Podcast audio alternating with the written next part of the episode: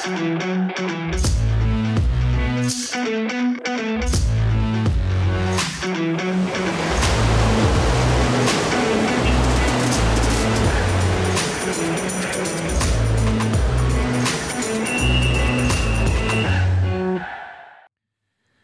pozdrav svim gledalcima podcasta pod kapicom. Dobrodošli u 141. izdanje. Neću ga nazvati vanrednim, ali svakako je onako specifično u smislu tema koje ćemo obraditi u narednih, pa verujem i duže dva sata, skoro tri sata sigurno, s obzirom da e, smo odlučili Nikola ja da se bavimo Ligom šampiona, da, da malo analiziramo sve ekipe, a, a veliku pomoć imali smo od trenera, igrača, pa manje više, ajde da kažem, većine klubova, ne, ne svih, ali većine klubova a, koji su eto, poslali neke, neka svoje razmišljenja vezano za, za takmičenje, vezano za snagu ekipe i jednu specifičnost koju nosi ova sezona, to je, to je kalendar. Kalendar koji je definitivno se protivi, e, ajde da kažem, e, igračima, protivi se i onome što je neka ideja trenera, a, s obzirom da će biti poprilično iscepkan, čeka nas evropsko prvenstvo u januaru, svetsko prvenstvo u, u, u februaru, pripreme iz olimpijske igre, ko bude imao sreće tamo da se plasira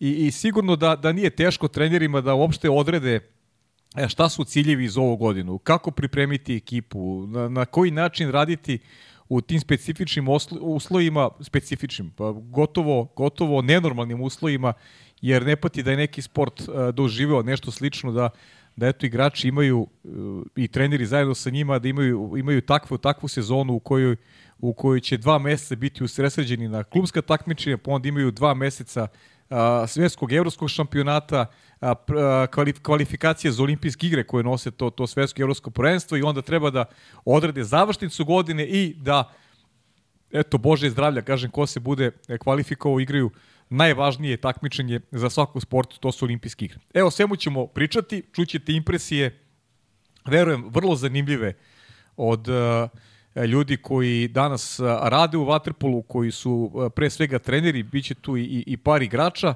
a naravno uh, sa mnom u studiju moj dragi kolega Nikola Rađen, koji je ujedno i sam trener od ove godine u Tašu. Nikola, dobrodošao i, i nadam se da nas čeka jedna baš zanimljiva epizoda i mislim da, da, da je tema svakako interesantna. Dobar dan, poštovani gledalci. Veliko mi je zadovoljstvo što sam ovde kao u svojoj kući, ako mogu tako da kažem kolega, i pre svega pričamo o stvarima koje nas čekaju u narednom periodu. To su stvari koje se prvi put dešavaju u, u sportu, koji se prvi put dešavaju u vaterpolu i mislim da će biti jako interesantno i gledalcima E, da pogledaju i da poslušaju ovaj podcast, jer mislim da, da neke stvari koje su istorijske, koje se dešavaju u jednom sportu kao što je vaterpolo, gde imate jako, jako bitan period ispred klubova i reprezentacija, jako zgusnut raspored e, koji se deli na dva dela, što se tiče klubske sezone, pa onda pritisak reprezentativne sezone koje očekuje reprezentacije koje nisu, na primjer, plasirane na olimpijske igre. Tu je sigurno i Srbija koja još uvijek nije plasirana, tako da mislim da će biti jako lepa tema i da će gledalci moći da uživaju sa interesantnim gostima koji su dali svoje mišljenje e, vezano za i klubsku sezonu i za reprezentativnu sezonu. E, Nikola, si ti kao, kao igrač ili si se suočio sa, sa nečim sličnim tokom karijere da, da, da ti jedna sezona onako bila toliko, ajde da kažem, načička na događajima i da, da bukvalno, kako u glavi uopšte odrediš neke prioritete, kako se ponaša a, jedan vrhunski sportista koji a, prvo klub očekuje njega najviše s pravom, jer ga klub plaća, a s druge strane imaš i taj emotivni moment igranje za reprezentaciju, želje da se dokажeš na olimpijskim igrama. Kako tu usaglasiti ovaj, e, sve, sve ono što, što su očekivanja i od ljudi sa strane i od vas samih, a opet negde kako tempirati formu, zašto tempirati formu i da li uopšte moguće da, da, neko, da neko igra na vrhunskom nivou od, ne znam, septembra meseca pa tamo zaključno sa, sa julom mesecom? Pa, u svojoj, u svojoj karijeri reprezentativno smo imali dva takva e, dešavanja. To je 2007. kada je bilo svetsko prvenstvo u martu mesecu u Australiji, pa onda prvi put e, evropsko prvenstvo koje se odigralo e, na zimu u januaru mesecu u Eindhovenu. Eindhoven, da. pa se to ponovilo ponovo u Beogradu 2016. godine, pa se to ponovilo pred samu koronu u Budimpešti, uh -huh. isto tokom zime. E sad, to nije bilo zakucano kao svaki put će biti evropsko prvenstvo u, u nekom zimskom periodu. Ne, to se menjalo, pa 14 se vratilo ponovo na leto i tako dalje, tako dalje, ali uh, u svojoj karijeri nikad nisam imao tako neku uh, podeljenu sezonu na dva dela. Jesmo imali dugačke sezone koje se gde imaš malo vremena posle klubske sezone gde odmah ulaziš u reprezentativnu sezonu, ali nikad nije bilo ovako specifično i zahtevno. Mislim da će biti jako teško, pogotovo trenerima, uh mhm. -huh. da održe sastav i, i fizički i psihički na, na, na okupu i da ne bude iznenađenja u nastavku sezone. Jako, jako, jako, jako teška i izazovna stvar za svakog trenera. Mislim da će tu biti problem i malo i sa motivacijom reprezentativaca koji mm -hmm. se mhm. budu vratili, igrača koji se budu vratili u, u svoje klubove, jer vi bukvalno onda nastavljate taj, ajde da kažemo, najteži deo klubske sezone što je Ligi šampiona. Jer vi, ukoliko se ekipa plasira i bude u prvo ili drugo mesto, ona ide u novu grupu Ligu šampiona mm -hmm. gde, gde treba da izbori plasman za Final Four. E sad vi zamislite posle napornog napornih dva meseca igranja plus pripreme, to je tri meseca, treba da, da budete u fokusu i u najboljoj spremi da za klub predstavite najbolje partije koje uh, koje zahteva klub od vas, je tako? Uh mhm. -huh. A da ne pričamo o nastavku nacionalnog šampionata, kupa, prvenstva i ostalih stvari. Mislim da će to biti veoma, veoma teško. Š, uh, to je moje mišljenje. Sad, iz ugla trenera, šta, šta bi trebalo da se radi u tom periodu? Prva stvar, još sam uvek mlad trener, nemam puno iskustva vezano za takve neke stvari. Mislim, moja razmišljanja su usmerena, ajde kad pričamo o Vatrpolo klubu, taš samo održati momke tu na gomili nekako da budu u istoj tenziji, u tonusu, da, da ne bude nekih iznenađenja u tom nastavku sezone. Ali ono što je, što što će takođe biti jako teško, jer vas u prvom delu, bilo kakav poraz, luksuz ili neigranje može da izbaci iz dalje toga takmičenja. Mm, znači, bilo kakva manja greška može da menja tok, ceo tok sezone, ceo tok ekipe, može da promeni totalno celu ideologiju tima ili ti cilj koji je zacnan na, na, na, na početku sezone. Uh mhm. -huh. Što je opet isto jako, jako osetljiva stvar. Nemate prava na grešku u, u, u principu. Nemate prava na grešku. Takođe, nemate prava i na luksuz, ni u reprezentativnoj situaciji, gde vi realno, ne, mislim da, da pet reprezentacija juri vizu za, za Paris. Je tako? Pa ti samo imaš sada dve u principu reprezentacije koje su mirne u tom pogledu. Tako to je. Su, tako to su Grčka i Mađarska. Tako je. I što je rekao jedan sagovornik panamerički igre koje nas takođe očekuju u, u tom, u tom je. periodu. Tako je. Znači jedno jako aktivno vaterpolo leto i mislim da će to biti interesantno zbog broja utakmica, praćenja vaterpola i gledanja utakmica, ali mislim da igračima i trenerima neće biti uopšte lako. Da, Vjeko je, Vjeko Bešček je upozorio, eto je posjetio na, na, na panamerički igri, nešto kasnije ćemo, ćemo čuti i, i trenera Juga. E sad, dolazimo sad tu do, i do klubova, opet neizbežna tema. Klubovi plaćaju igrači i klubovi žele najviše ambicije. To je s punim pravom. Uh, uh, u krajnjem slučaju ti igrači žive od, od tih klubova, od tih financije koje, koje dobijaju od, od, od, od ekipa za koje igraju. Uh, kako tu malo pomiriti, kako tu prepoznati negde da, da igrač možda uh, eto, u nekom određenom momentu a, nije do kraja usresređen, jer znaš šta ga čeka u januaru i februaru mesecu, da se razumemo. E, I ljudi koji vode klubove i koji su treniri vrlo dobro znaju šta je njima bio imperativ tokom svojih karijera. Olimpijske igre, to je san svakog sportiste, to je nešto, nešto čemu se teži. E sad, kako tu, kako tu pomiriti neka, neka očekivanja i, i, i, i, i ovaj, reći, uh, ok, ajde, možda ova godina i da ne bude uh, znamo, znamo kakva je, koliko je, koliko je teška. Na stranu što e, to smo x puta pričali, ovo je stvarno sramote da, da, da, da, jedan, da je u takvom sportu, toliko lepom sportu, e, da su da su se dogodile ovakve stvari da imamo dva velika takmiča u olimpijskoj godini i da da da je da je kalendar načičkan i, i, i mislim da da su to stvari koje ne smiju da se dešavaju. Aj sad da probamo malo da da da pogledamo stvari iz iz percepcije klubova. Kako klubovi uh, treba da se ponašaju i koliko mogu da budu fleksibilni na pojave ovaj tipa znati ipak je meni malo važnije ono što što me očekuje u, u, u reprezentaciji.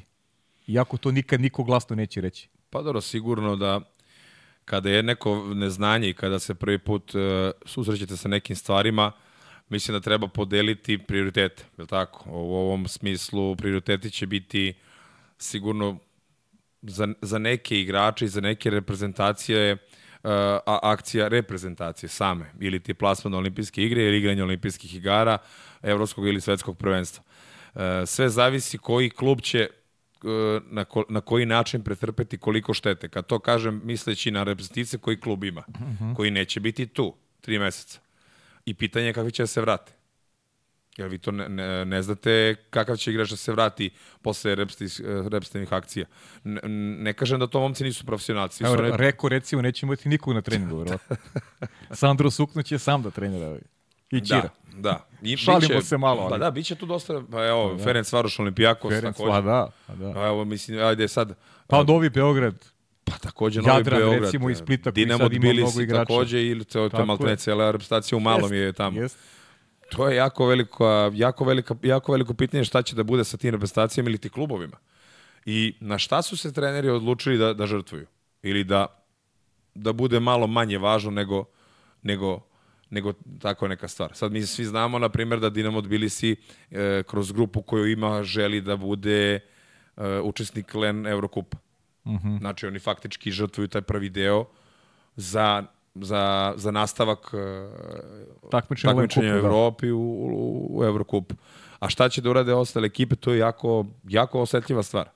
Kako držati, kako držati te ekipe bez i trenera i reprezentativaca. Šta raditi tih tri meseca? Da. Jer nema takmičenja. Da, bilo je iskreno, bilo priča, onako, mogu se ne čujem, a znaš ti to bolje od mene, ovaj, u tim vaterpolo krugovima da se o tekućoj sezoni govorili o tome da da klubovi čak i ne, nemara, ne nameravaju da prave pojedini, da prave neke velike projekte upravo iz razloga što znaju kakav je kalendar, gde ti imaš u suštini uh, iseckanu sezonu i da nemaš praktično tri meseca, nećeš imati na raspolaganju igrače, pa praktično klubskog vaterpola neće biti Da. da. puna tri meseca, što je stvarno onako ne, poprilično, poprilično šokantno za, za sve oni koji imaju neke, neke, ajde da kažem, veće ambicije ili prilike da, da, is, da sa financijama isprate možda neka veća očekivanja. Pa ne znam zbog čega se vaterpolo razlikuje od drugih ekipnih sportova. Evo sad možemo da kažemo to otvoreno, jer sezona koja, ili ti kalendar koji je prisutan za, za ovu sezonu je neverovatan. To je čak šta više nemoguće raspored. Imate dva, imate dva, de, dva dela sezone, prvi i drugi deo. Imate dva, dva lica ekipe, ono, prvi deo sezone i drugi deo sezone. To se samo desilo u Waterpolu. To je taj ekstrem. Mm. Mislim da, mislim da Ha, mislim da ljudi čelni koji vode Evropsku i Svetsku federaciju malo zaslužuju ozbiljnosti u smislu da malo, malo više se poveda računa o, o igračima i o trenerima. To više ne može da se fizički izdrži, realno. Da znam Nikola, šta je sa tom unijom igrača, trenera? Mora malo da se čuje i, i glas ljudi koji su koji su akteri. Mislim, redki su ljudi koji žele da pričaju ovo što otvoreno o toj temi, a, a kamoli da dignu glas i da, i da ovaj, da, da se zauzmu za ono što, što je, ajde da kažem, i neka njihova profesija, jer, jer kako, aj sad, napravi sad ti ja sad sedimo ovde i, i udobno smo smešteni i sad očekujemo da, ne znam, reprezentacija Srbije izbori plasman olimpijske igre, a tek ćemo kasnije pričamo o jednom problemu koji se nametno mi imamo, mi smo bez jednog bazena koji ko zna kada će proraditi na banjici, dakle, Beograd, grad od 2 miliona stanovnika ima ima dva krštena bazena. U stvari jedan i po kršten bazen Da. ima, koji može Da. da se koristi u, u, u te svrhe. Mislim, to je sad opet neka druga tema koju ću dotaknemo kasnije, ali, ali eto, u ovakvoj sezoni ti da praviš neka, neka predviđanja, da praviš neke, neka realna očekivanja, zaista mislim da je, da je nemoguće. Mnogi stvari će da se svedu onako i na, i na neke, neki faktor sreće, na neki, ajde da kažem, neku, neku, neku nadahnuće ili, ili, ili e, na, na, na situaciju koji će možda biti manje potrošnja kod pojedinih igrača koji će kasnije uzeti te neke represivne role. Ne znam da li sad da stavimo akcenat na reprezentacije na klubove ili da se malo bavimo širom nekom slikom vaterpola kao sporta. Da li on, da li se vodi računa njemu ili se ne vodi računa njemu. Pitao si malo pre Unija. Ja, bih, ja, ne znam koja Unija. Ja znam da postoji kao udruženje igrača na svetskom nivou, ali da se to vodi tipa kao da samo da postoji. Da nema, nema suštinu. To mm -hmm. postoji i to je to. Mi kod nas nemamo o, sindikat igrača, mi kod nas nemamo. Mi imamo sad udruž- udruženje trenera koji Misliš u, u Srbiji? Tako u je, Srbiji mi to nemamo, da. Uh -huh. I ja mislim da ne znam koliko bi to bilo interesantno se o, da, da postoji i ko bi to hteo da čuje i na koji način bi se to slušalo. U svim ostalim sportova, sportovima je najnormalnije da imate glas igrača i da to bude relevantan neki relevantna neka stvar koja uh, daje svoj doprinos bilo kakvoj odluci ili e, misli se na to šta, šta, šta mi, e, igrači žele, na koji način se obhode prema nekim problemima koji su ispred nas. E, jako je bitno, jako je bitno biti, biti realan u ovoj situaciji. Nema, nemate ni komplikovaniju ni težu stvar ako pričamo o reprezentaciji Srbije. Mi još uvek nemamo vizu za Pariz, da. mi još uvek e, nismo plasirani na olimpijski igre. Mislim da je to najveća, e, najveći i najvažniji cilj e, Urošu Stevanoviću i, njegovim izabranicima i mislim da Vatrpolo Savez treba da da povede računa o tome da što bolje i što lakše se omogući tim momcima da se plasiraju na olimpijske igre, bi stvarno bilo velika šteta da se Srbija ne naplasa na olimpijske igre. Jer mislim da svi moramo tu da damo svoj doprinos, kažem, uh, i, i klubovi, i igrači, i savez da se vaterpolo da se vaterpolo reprezentacija Srbije nađe na, na olimpijskim igrama u Parizu. Da. Evo ja recimo, znaš, evo sad glasno razmišljam samo. Pravo ti kaže, sam je pomala pamet dok smo, dok smo razgovarali. Recimo, ove godine moglo da se napravi u zajednici sa svim klubovima iz Hrvatske, Crne Gore, iz regiona, da ove godine recimo da se ova A1 Jadranska liga uopšte ne igra. Recimo, to je moje, moje neko glasno razmišljenje. Zašto? Pa iz prostog razloga a, većina klubova i daju reprezentativce, Mislim da im je to samo onako dodatni napor, da im ne ide u prilog onoga što ih očekuje naredne godine. Upravo ako već se pravi kalendar, ako ne možemo da utičemo na neki kalendar koji se pravi, ne znam, koji pravi Lena, Len, Fina, ali možemo da utičemo na kalendar koji možemo zajednički da napravimo ovde. Može se napravi malo neki drugačiji oblik onoga što se zove, što se zove Jadranska liga a ne da se po svaku cenu juri, ne znam, juri se neki rezultat kao da je u krajnjem slučaju bitno šta donosi uopšte Jadranska liga, da li prohodnost u neko takmičenje, da li ti donosi neki benefit ovaj, ovaj, u, u neku svrhu ili, ili treba da posluži opet nekoj afirmaciji mladih igrača. Pa ako po, služi afirmaciji mladih igrača, da neka igraju mladi igrači, neka reprezentativci nemaju te obaveze. Reprezentativci svih klubova neka nemaju obaveze da, da igraju tu Jadransku. Eto, prosto glasno pa, razmišljam. Evo, pada mi jedna ideja na pamet. Ja mislim da je jako važno da se malo stavi prst na čelo i da se gleda gde je benefit igranja Jadranske lige, svakog kluba. Gde je benefit? Evo i sada Jadranska liga koja je u Jeku, imate klub kao što je Jadran Hercenovi, oni su direktno iz Budimpešte išli za, za Zagreb da igraju u turnir Jadranske lige. Yes. I sad za vikend očekuje prva utakmica koju gde kao domaćina uh, da ih gde dočekuju Jadran i Split. Jeste.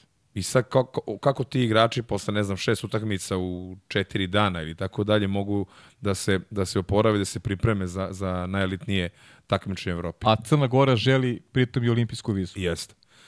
E sad, to, to su stvari koje, koje su problematika ovog sporta. I slažem se da nema puno benefita, nažalost, od Jadranske lige. To mora isto da se, da se promeni ukoliko, ukoliko žele ljudi čene da se nastavi da se igra. Jadranska liga je dobra za, za ajde kažemo, mlade klubove kao što je Vatrpol klub Taš, gde ti imaš utakmice, gde sazrevaš sa mladim igračima i do, dobijaš neki razvoj nekog igrača. igrače generalno. Tako da. je. Druga stvar, što ne, ako su znali taj takav kalendar, što se nije Jadranska liga odigrala dva turnira leti i da se završi? Je li tako? Je li igramo Jadransku ligu? Što tako nismo je. to ubacili da se igra leti? Kao leti ja, si, ja sam apsolutno siguran da bi, na primjer, u Herceg bilo puno, da bi u Dubrovniku bilo puno, da bi, ne znam, sigurno, da bi u Rijeci bilo, bilo ovde puno. puno tako, sigurno tako leti bi bilo tako sigurno je. puno. I ovde isto, bar imamo više otvorenih bazena nego zatvorenih, tako da siguran sam, siguran sam da bi, da bi, da bi format bio interesantniji. I da bi možda čak i klubovi profitirali. Ovako nema nema, nema, za, nema, nema zarad. A nema, a pritom i ovde imamo sad problem sa terminima. Jeste. Da. Yes. Dobro, malo smo se malo smo hoćemo još neke teme da se da se ovaj što se kaže dohvatimo, uhvatimo se u košta sa njom nešto kasnije. Ajmo sada da se vratimo na, na tu ligu šampiona u sve te probleme koje smo naveli.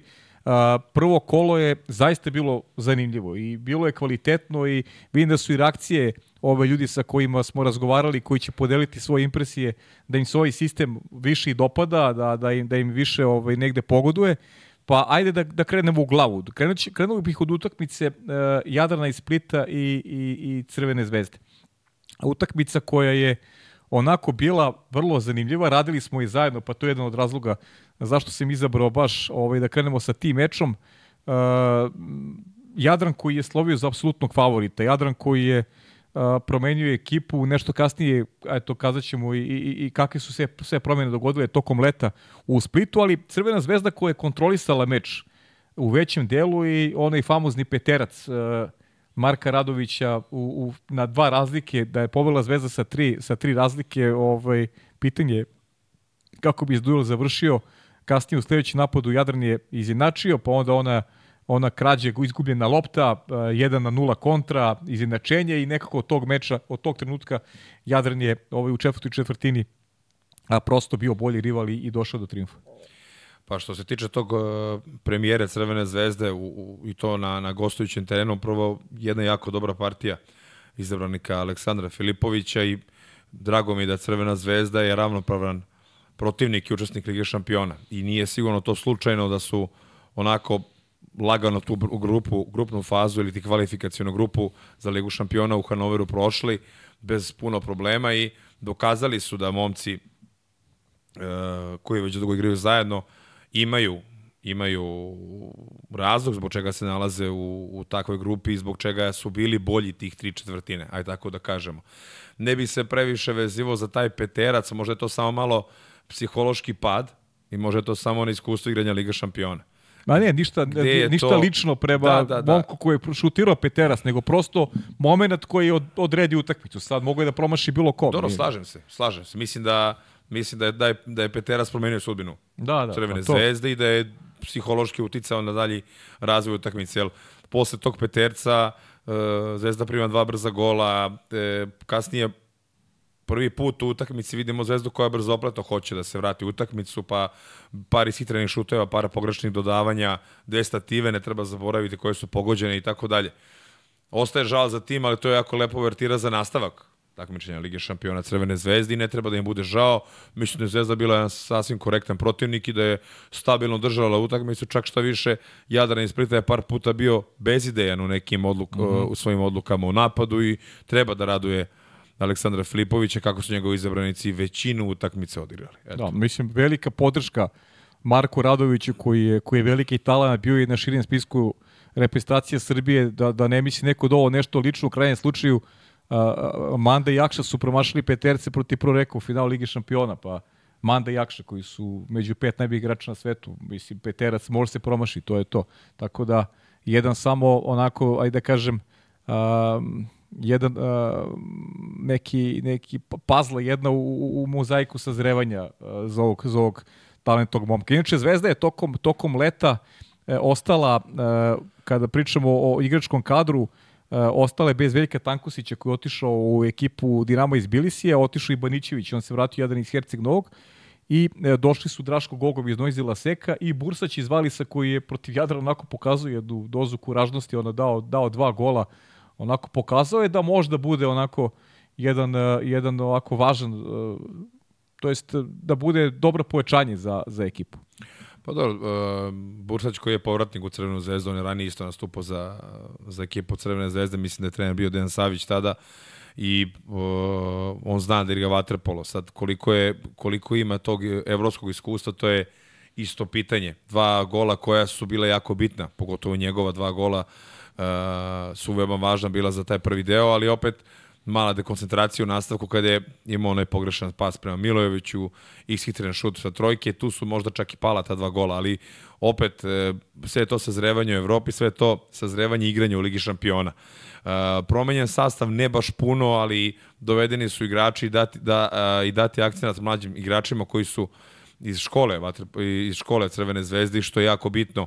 Mi tu imamo jednoga Rodoljuba Gajića, Relju imamo trećeg golmana Viktora koji je branio uh, u mlađim selekcijama reprezentacije Srbije, tako da mislim da mislim da, da je Zvezda lepo selektirana uh, od, uh, od prvog do poslednjeg mesta i mislim da oni traže svoju šansu u tom drugom delu uh, sezone u Evropi. A, dobro, ajde da čujemo sada Aleksandra Filipovića, trenera Crvene zvezde, o Splitu i nekim impresijama kada govorimo o sezoni, i temi koje smo, koje smo na početku naveli. Poštovanje, veliki pozdrav svim gledaocima najboljeg podcasta na ovim prostorima sigurno, a verovatno i šire. Pozdrav svima u studiju. Moram da vam se zahvalim na poslu koji obavljate i na svemu što radite za promociju našeg sporta i samo tako nastavite. Što se tiče prvog kola Lige šampiona, hteo bih da kažem da prvo ću pričati o Zvezdi, a posle mogu da kažem nešto i o ostalim utakmicama. Naše prvo kolo protiv Jadrana i Splita u suštini ne mogu da budem nezadovoljan prikazanom igrom u većini, e, e, u većem delu utakmice. Možda ostaje neki žal zato što nam se pružila e, lepa prilika da upišemo te bodove na gostovanju. Celu utakmicu smo apsolutno kontrolisali, osim tih 4 minuta, znači možda 2 minuta kraj treće četvrtine i prva 2 minuta, 2-3 minuta u, na početku četvrte četvrtine, gde smo, su oni praktično svojim iskustvom i individualnim kvalitetom uspeli da prelome i da, da rezultat ode na njihovu stranu. Svi pričaju o tom petercu, ja ne bih uh, rekao da je samo peterac uticao na to, mislim da se i pre toga osetilo uh, moment da će možda to da se desi. Uh, mi smo apsolutno držali kontrolu do tog momenta, ali se desilo da je njihov trener promenio stil odbrane i promenio je golmana koji je počeo da hvata neke šuteve koje smo mi do, sada, do tada ovaj, pogađali i oni su time dobijali sigurnost, počeli su malo i da rizikuju, počeli su da igraju M zonu gde je Loren Fatović koji je možda jedan od najboljih igrača u tom segmentu igre počeo da izleće rizično u, u, u kontre i na kraju te treće četvrtine smo možda i nesrećno uh, primili ta dva laka gola, posle toga je ovaj njihovo iskustvo došlo do, do izražaja i oni su uspeli da okrenu utakmicu na, na svoju stranu. Mislim da smo mi u tom momentu morali da se malo više fokusiramo na odbranu i da sigurnošću u odbrani i čvrstom odbranom stičemo samo pouzdanje, da praktično očuvamo taj mali rezultat, međutim mi smo nastavili da napadamo, bez obzira na, na njihovu promenu koju su napravili.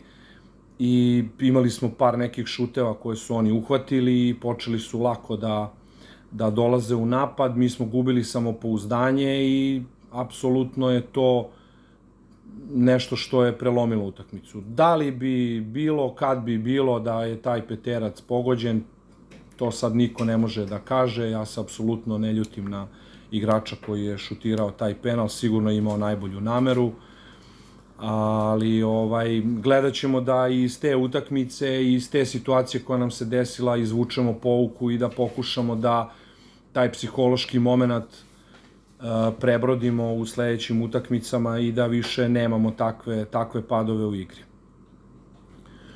Uh, sledi nam utakmica protiv Ferenc Varoša, Ferenc Varoš koji je isto tako fenomenalna ekipa, uh, ove godine su doveli na sve ono što imaju, doveli još Disomu i Dušana Mandića.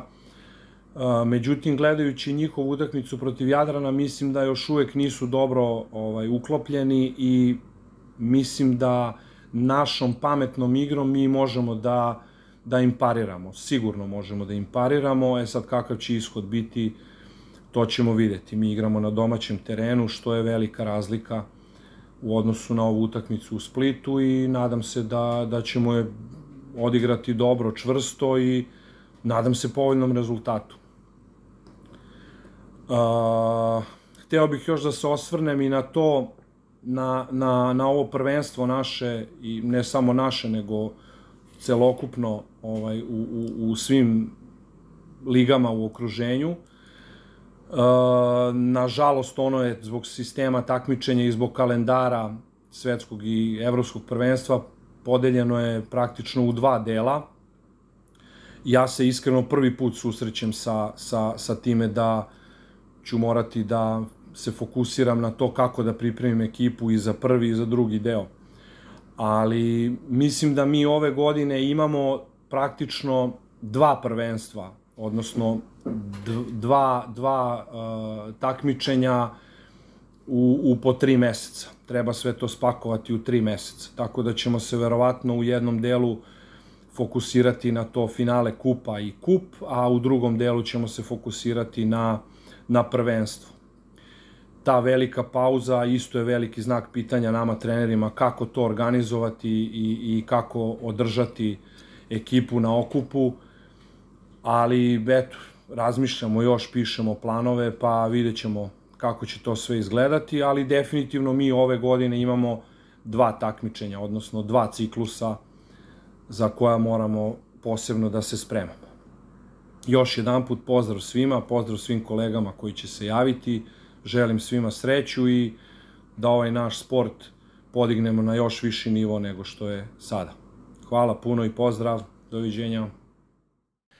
Čuli smo Akija, da li ima nešto se doda Nikola na ovo što je što je Aki pričao? Pa dobro, evo on videlo se i po, po izjavi prvog stratega Crvena da je on delimo i zadovoljan i da je mu je drago kako je ekipa kontrolisala većinu te utakmice, ali opet se taj famozni peterac provlači, ali ajde više da ga i ni mi ne spominjemo ovde, već smo rekli dovoljno njemu, mislim da E, mislim da je protivnik bio na papiru i jači, da su bili apsolutni favoriti pred utakmicu, ne treba biti nerealan. Mislim da treba biti zadovoljan i treba biti realan u smislu ekipe Crvene zvezde, kako su i na koji su način igrali. Sigurno dosta je onako jedna jedan žal da, da su mogli bolje, ali opet ne treba biti sad ni, ni nerealan. Uh, mislim da to ni, ni manjak iskustva u, u redovima Crvene zvezde je dozvolio da Jadran bude bolji u tom finišu utakmice 1-6 6-1 je bila ta posljednja četvrtina što je baš baš dosta priljivnih golova. Da, ono što što možda bude uh, ajde da kažem neka neka zvezdina zvezdina prednost u u tom periodu kada ne bude bilo ne bude bilo klubske sezone. Ok, imamo tu Mišovića, imamo imamo Vuka Milojevića, veliki benefit za njih što igraju u Ligu šampiona. Prepostavljam da će se naći ponovo na, na spisku selektora Stevanovića, nikad se ne zna šta će biti do, do decembra meseca. Tu i Marko Radović kao, kao ne kandidat, ali ono što jeste zvezdina snaga generalno godinama unazad je, je, je, je činjenica da, da ostaju na okupu. To neko jezgre ekipa ostaje na okupu. Ti iskusni igrači koji nekako i uvode i te mlađe u sistem i očigledno i pomožu da se oni da se oni dobro razvijaju. Pa u krajnjem slučaju sa većinom ovih igrača ti si još igrao igrao u Zvezdi. Dakle nije to bilo nije bilo tako davno, a opet ima već godina kako su uh, Jogi, Basara, uh, Dule Marković, kako su, kako su na okupu. Tu je sada i Dule Vasić. Pa jeste, Gavril Subotić, naravno. Kostor ekipe se nije promenio. Ajde da kažem da su ti glavni nosioci igre ostali u, u klubu, iako je bilo raznih trzavica i u decembru i na kraju sezone da, da će da se promeni ekipa totalno, a ipak se nije promenila i što je jako dobro, do, dobra stvar za Crvenu zvezdu. Videlo se na kraju krajeva koja je najveća uh, koja je najveća snaga Crvene zvezde, to su baš ta imena koje si ti pomenuo i koji nose tu igru Crvene zvezde i kreiraju igru Crvene zvezde, ali ono što je najvažnije, kreiraju atmosferu u klubu, što je, što je jako bitno, pogotovo za te mlađe igrače koji ulaze, koji ulaze u ekipu i ulaze u proces stvaranja formiranja tog igračkog kadra Crvene zvezde. E, mnogo je drugačija stvar kada imate imate igrače koji se poznaju Znači, ne mora tu da se priča, već se kroz pogled zna šta se radi, pogotovo u toj odbrani gde, gde smo imali prilike da protiv Jadrana i Splita vidimo kolika je, kolika je ta snaga zvezdine odbrane kada, kada svi stoje, stoje na svojim mestima. Svaki put kad je bio disbalans u tom smislu, bilo je problema. E, baš o tom o tim imenima koje se ti nabroji, baš u tom kosturu ekipe koji je ostao nepromenjen od prošle godine, najveća snaga Crvene zvezde. I mislim da tako i treba da se uvode mladi e, mladi novi talenti ili, ili mladi igrači lagano da se uvode u, u, u sistem i u svaki klub, a ne da se naglo iseče bilo, bilo, bilo kakav, jer to je mnogo veliki šok za ekipu. I mislim da će Zvezda biti jako kvalitetnija iz utakmice u utakmicu i mislim da će do kraja sezone, može svašta se očekuje, mislim, Aleksandar Filipović je osvojio dva kupa sa Crvenom zvezdom, možda je imao je, prošle godine imao nepromenjenu ekipu, apsolutno, je tako, i osvojili su kup bili su bolje Novog Beograda, Novi Beograd koji igra kasnije Ligu šampiona i sve finale Lige šampiona i mislim da, da Crvena zvezda ima ponovo jednu ulogu favorita u nacionalnom prvenstvu, a i Bože zdravlja da vidimo šta će da rode u nastavku Lige šampiona, onda potom u Evrokupu. Tako je. Ajde, držimo, držimo Figi, Aki i ekipi, naravno, ove godine i kažem, vidi se tu neki, neki benefiti, nešto što pa nijedan drugi klub nema u, u, u Srbiji u posljednjih 6-7 godina, upravo ta, ta neka, neka baza igrača koji su, koji su tu duže vreme zajedno. To stvarno možda bude ozbiljna prednost kada dođu te utakmice za, za, za trofeje, pogotovo što će Zvezda imati na raspolaganju većinu igrača ovaj, i dalje, mislim, u toj pauzi ko, kada se ne budu igrale utakmice. Ali pa, dobro, vidjet ćemo šta će biti. Do, Zvezda dokazala da na, to igranje na, na, ajde kažemo, po znacima navoda na jednu utakmicu su najjači.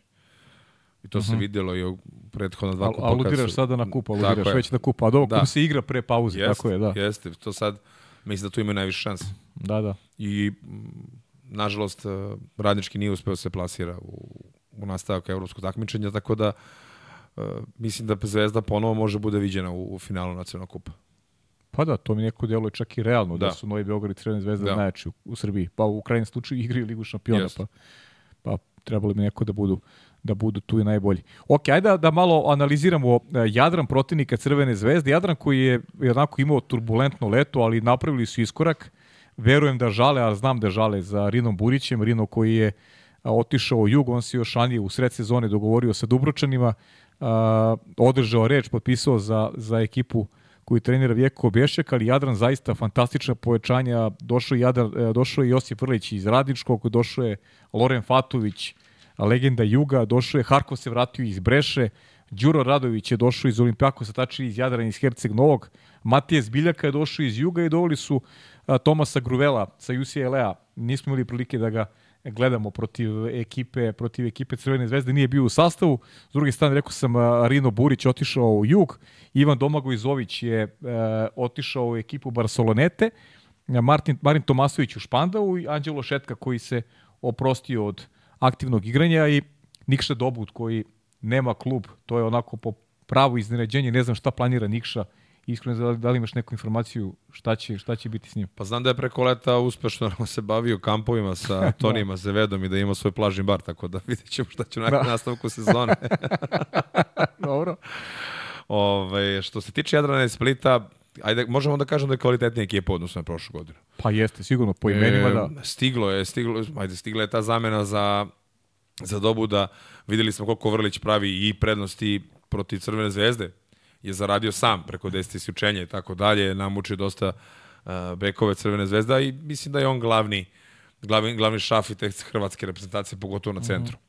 Uh, ono, što, ono što ja mislim da će biti Jadranu problem, to je težina grupe u kojoj se nalazi, da li će uspeti da prođe dalje. Oni sad imaju jako bitan, jako bitnu stvar i jako bitnu utakmicu baš u, u Trebinju, u Trebinju gde igraju protiv Jadrana iz Herceg Novog, gde će odlučiti sami svoju sudbinu, da li, da li mogu da budu to mesto broj 2 ili ne mogu i donekle da se plasiraju u, u taj, da kažemo, drugi deo razigravanja u Ligi šampiona pred Final Four.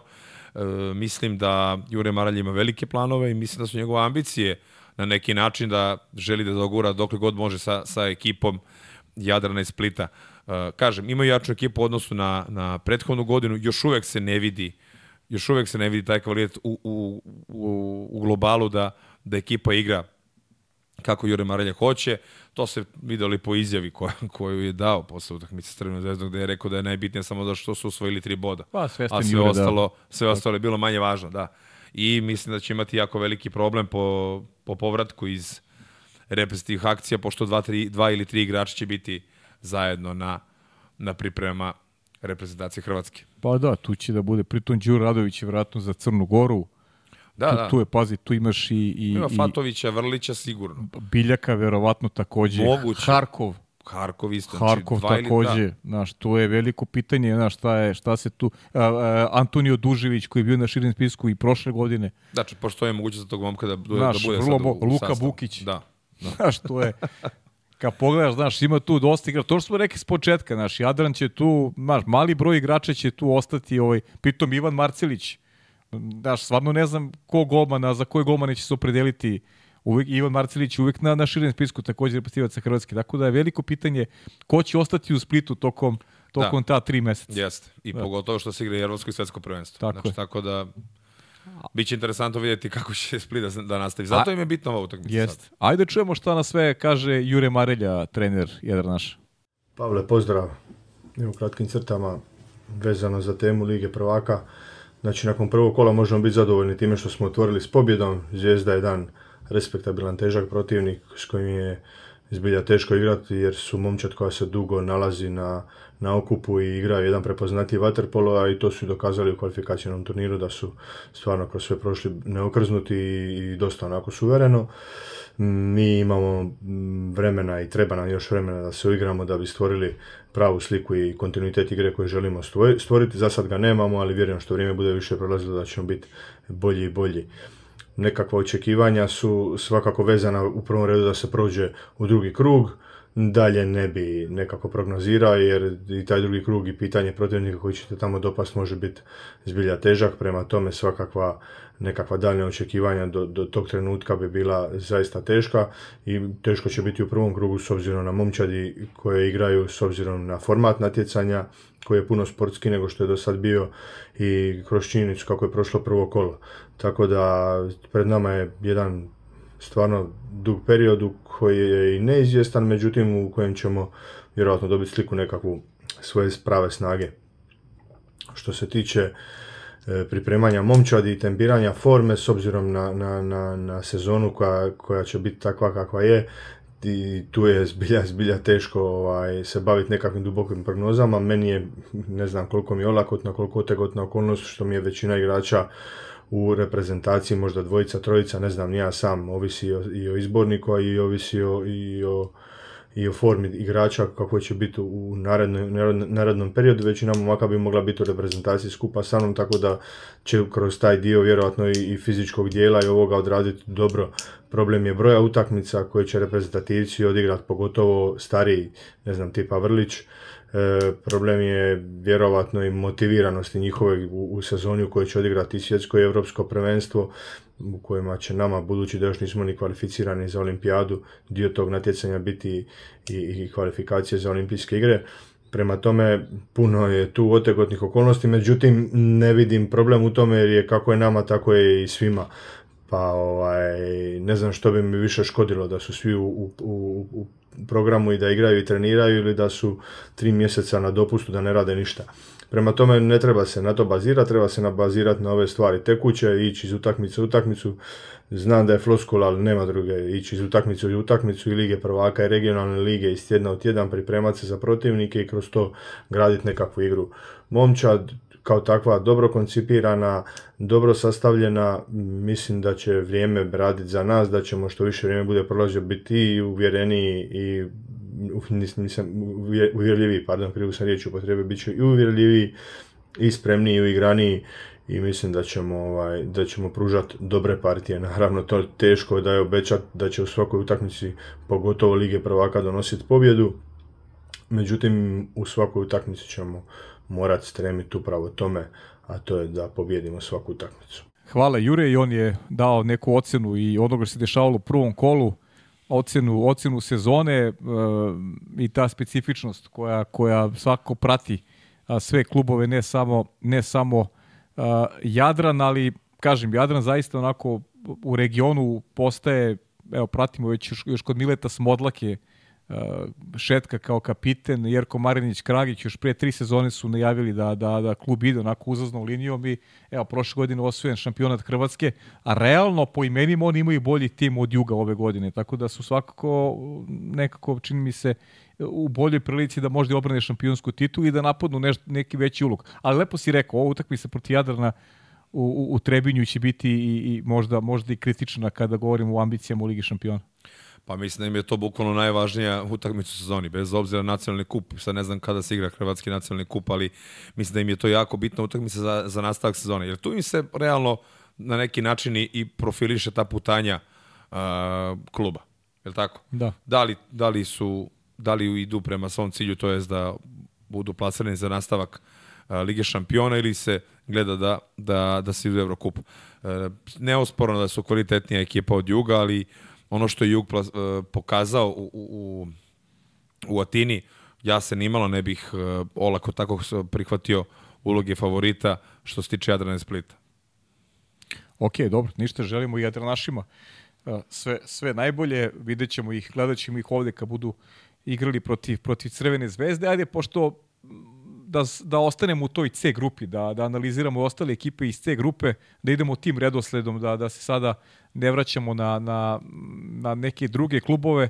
Ferenc Varoš. Ferenc Varoš je pobedio ekipu Jadrana iz Herceg Novog, jedna vrlo zanimljiva utakmica, 9-7 je bilo za Ferenc Varoš.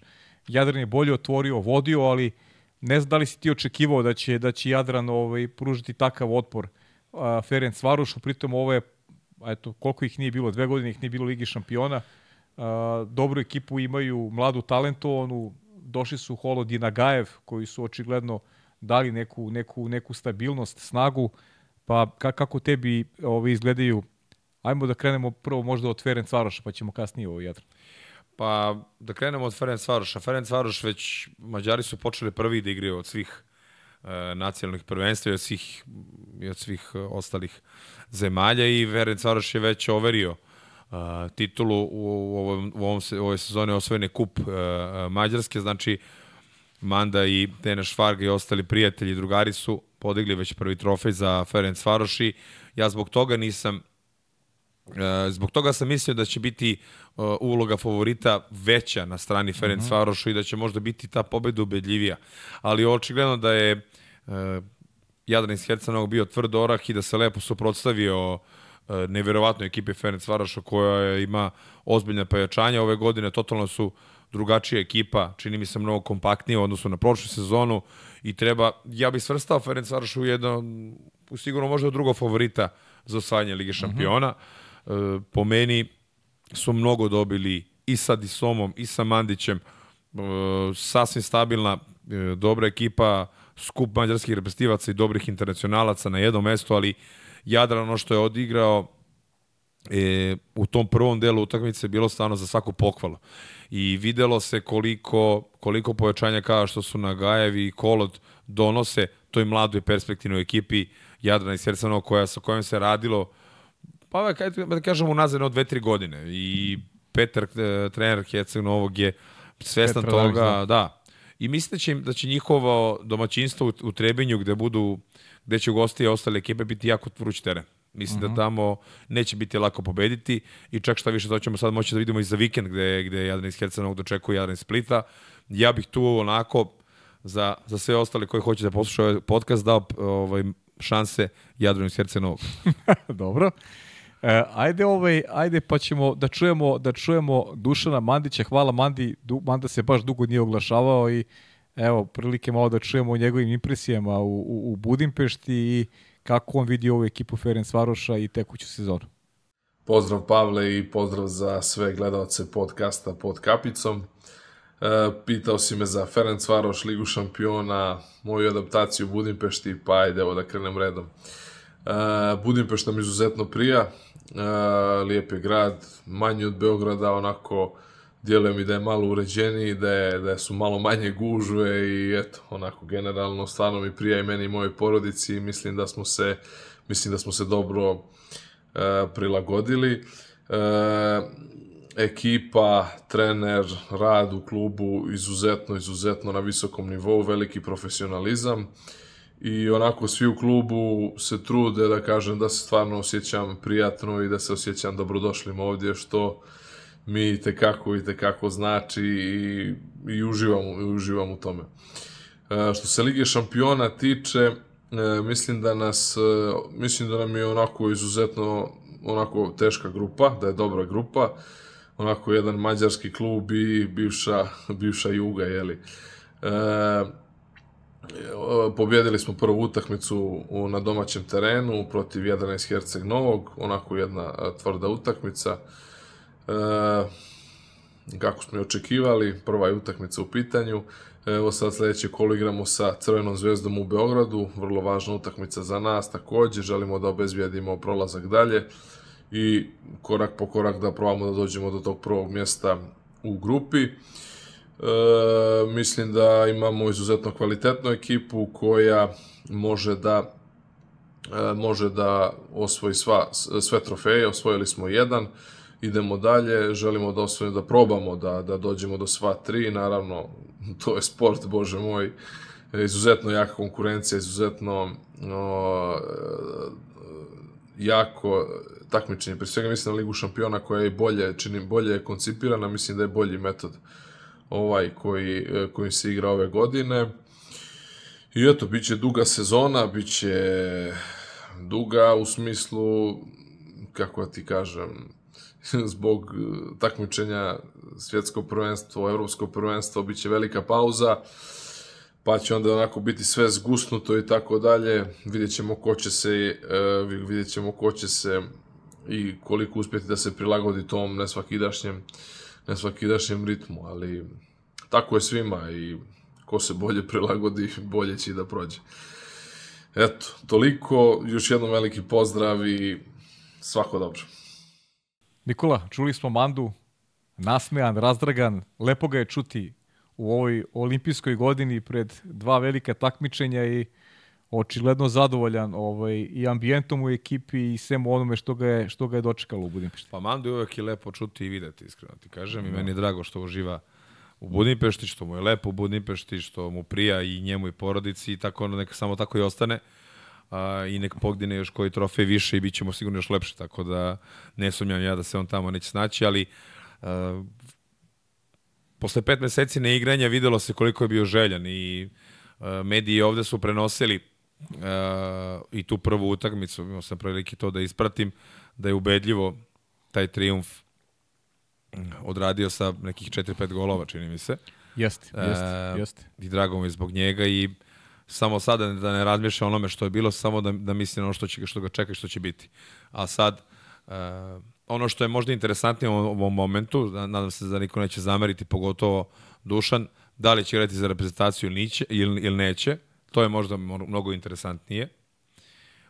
Možemo da otvorimo tu temu ako se slažeš. Pa mislim možemo, ali to je A- sad, znaš, to je sad već... Da, da, niko, da niko ne uzme za, a, za, za zlo, ali mislim da je Manda jako bitan jako bitan igrač za reprezentaciju Srbije. I da bi njegov dolazak sigurno e, olakšao neke stvari, afirmisao neke igrače, popravio atmosferu, pa da vidimo. Evo, to, to ja to ti i ja možemo pričati. Pa znaš kako, ovaj, da, da, li, da li neko može da uzme za zlo nešto što, što ceo svet ovaj, Pa znaš čemu te pričam, da, da je ovde, da. Da, je ovde sujeta na 100%, a razum je na malo manje od 50%. tako zbog nažalost, nažalost sueta mnoge Da. vodi i to je imamo prilike da, da to u svakodnevnici osetimo. Nažalost, nažalost i kroz podcast i kroz Jeste. saradnje sa ljudima, ali to je to je prosto tako. Ali mi i dalje Treba, postojimo. treba Da. prihvatiti ljude kakvi jesu i ja nikom ništa generalno ne zameram, ali, ali to što si rekao za Mandu potpisujem takođe 100% i Da.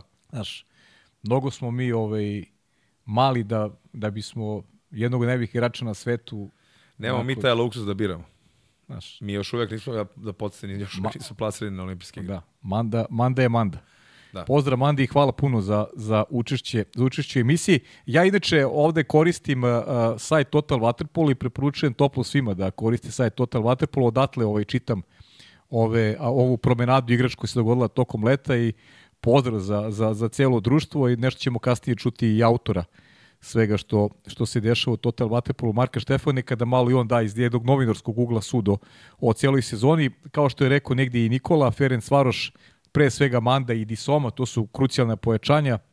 Doveli su još dvojicu, a, još dvojicu igrača mađarskih, Nađija i Saba, a, otišao je, Žolt Vargas je posvetio radu u mađarskoj reprezentaciji, dakle imaju, imaju Nijekija novog Balaž neki koji je trener. Balaž da. Njujeki koji je novi trener, Uba je otišao, Nemanja Uba i čućemo ga kasnije otišao u Vuljagmeni, Badović je otišao u Hondve, tako da a, lako se, lako se ovaj, da zaključiti da je, da je ekipa, da je ekipa Ferenc Varoša jača nego što je to bio slučaj a, prošle godine. A ja bih sad prebacio odmah na, na Jadran iz Herceg Novog da zaključim ovu C grupu.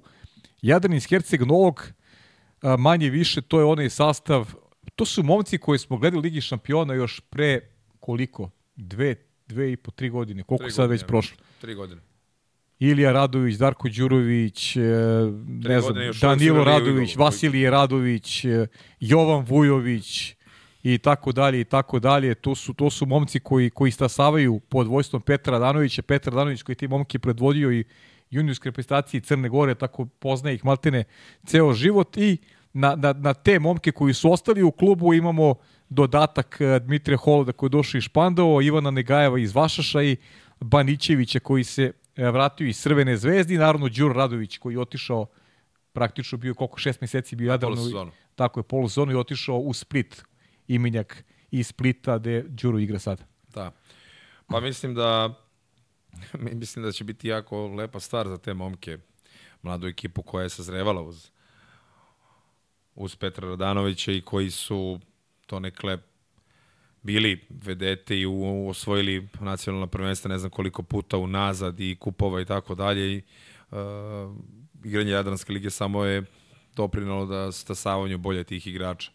Uh, mislim da sada imaju jako zbiljnju ulogu, mislim da sada imaju onako svetla su uperena na njih, pogotovo što su uspeli da da dobiju taj bazen u Trebenju koji je novo otvoren. Sećamo se da je to da su otvarale upravo i Srbije Crnogora taj zatvoreni Just. bazen u Trebinju koji jako lepo izgleda i svaka čast čelnim ljudima Jadrana što su što su uspeli da pridobiju u Trebinju taj bazen da će biti organizovana Liga šampiona. Mislim da i Trebinju i Jadranu je to jako veliki benefit i uh, mislim da je klub i svestan ko su favoriti, takođe i Petar Radanović koji je, koji je trener Jadrana, da su svesni ko, ko su favoriti u, u toj grupi C.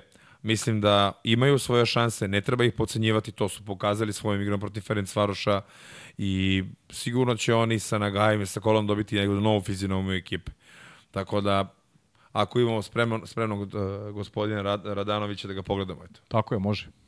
Evo Jadran posle dvije godine ponovo smo se priključili tom uh, nekom najvećem mogućem nivou takmičenja, znači už smo u ligu šampiona, ovaj, to je takmičenje koje će nama izuzetno značiti, pogotovo za sticanje iskustva, jer ponovno imamo tu mladu, mladu perspektivnu, perspektivnu ekipu i zaista svi ti mečevi koje oni odigraju u Ligi šampiona sa vrhunskim igračima, će njima biti jedno neprocijenjivo iskustvo i nadam se da ćemo to iskoristiti ovaj, na najbolji mogući način za neko, neki njihov napredak i za ovaj, neke, neke što veće uspjehe u, u budućnosti. To je prvenstveni, prvenstveni neki cilj. Ove godine je Liga šampiona i generalno su sva takmičenja izuzetno zgusnuta, kao što znate, i utakmice su stvarno u, u malom razmaku i dosta je to, dosta je to naporan, naporan ritam, a sve zbog toga što je u januaru su igra Evropsko prvenstvo i svjetsko u februaru, tako da um, izuzetno specifična sezona što se tiče i pripreme igrača i uvođenja u neki trenažni proces i tempiranja forme, tako da mislim da svi, definitivno svi treneri imaju ova, neke, neke dileme oko toga na koji način ući u, u sve to, jer ovo je po prvi put da se tako nešto, nešto ovaj, dešava u našem, makar sportu, da sam ja upoznat. Međutim, nadam se da ćemo uspjeti da izguramo ovaj prvi dio dio sezone na, na, na pravi način. Imali smo vremena da se pripremimo, mislim da ekipa još uvijek se uigrava. Ovaj, vidjet ćemo, uh, grupa nam je stvarno izuzetno, izuzetno teška.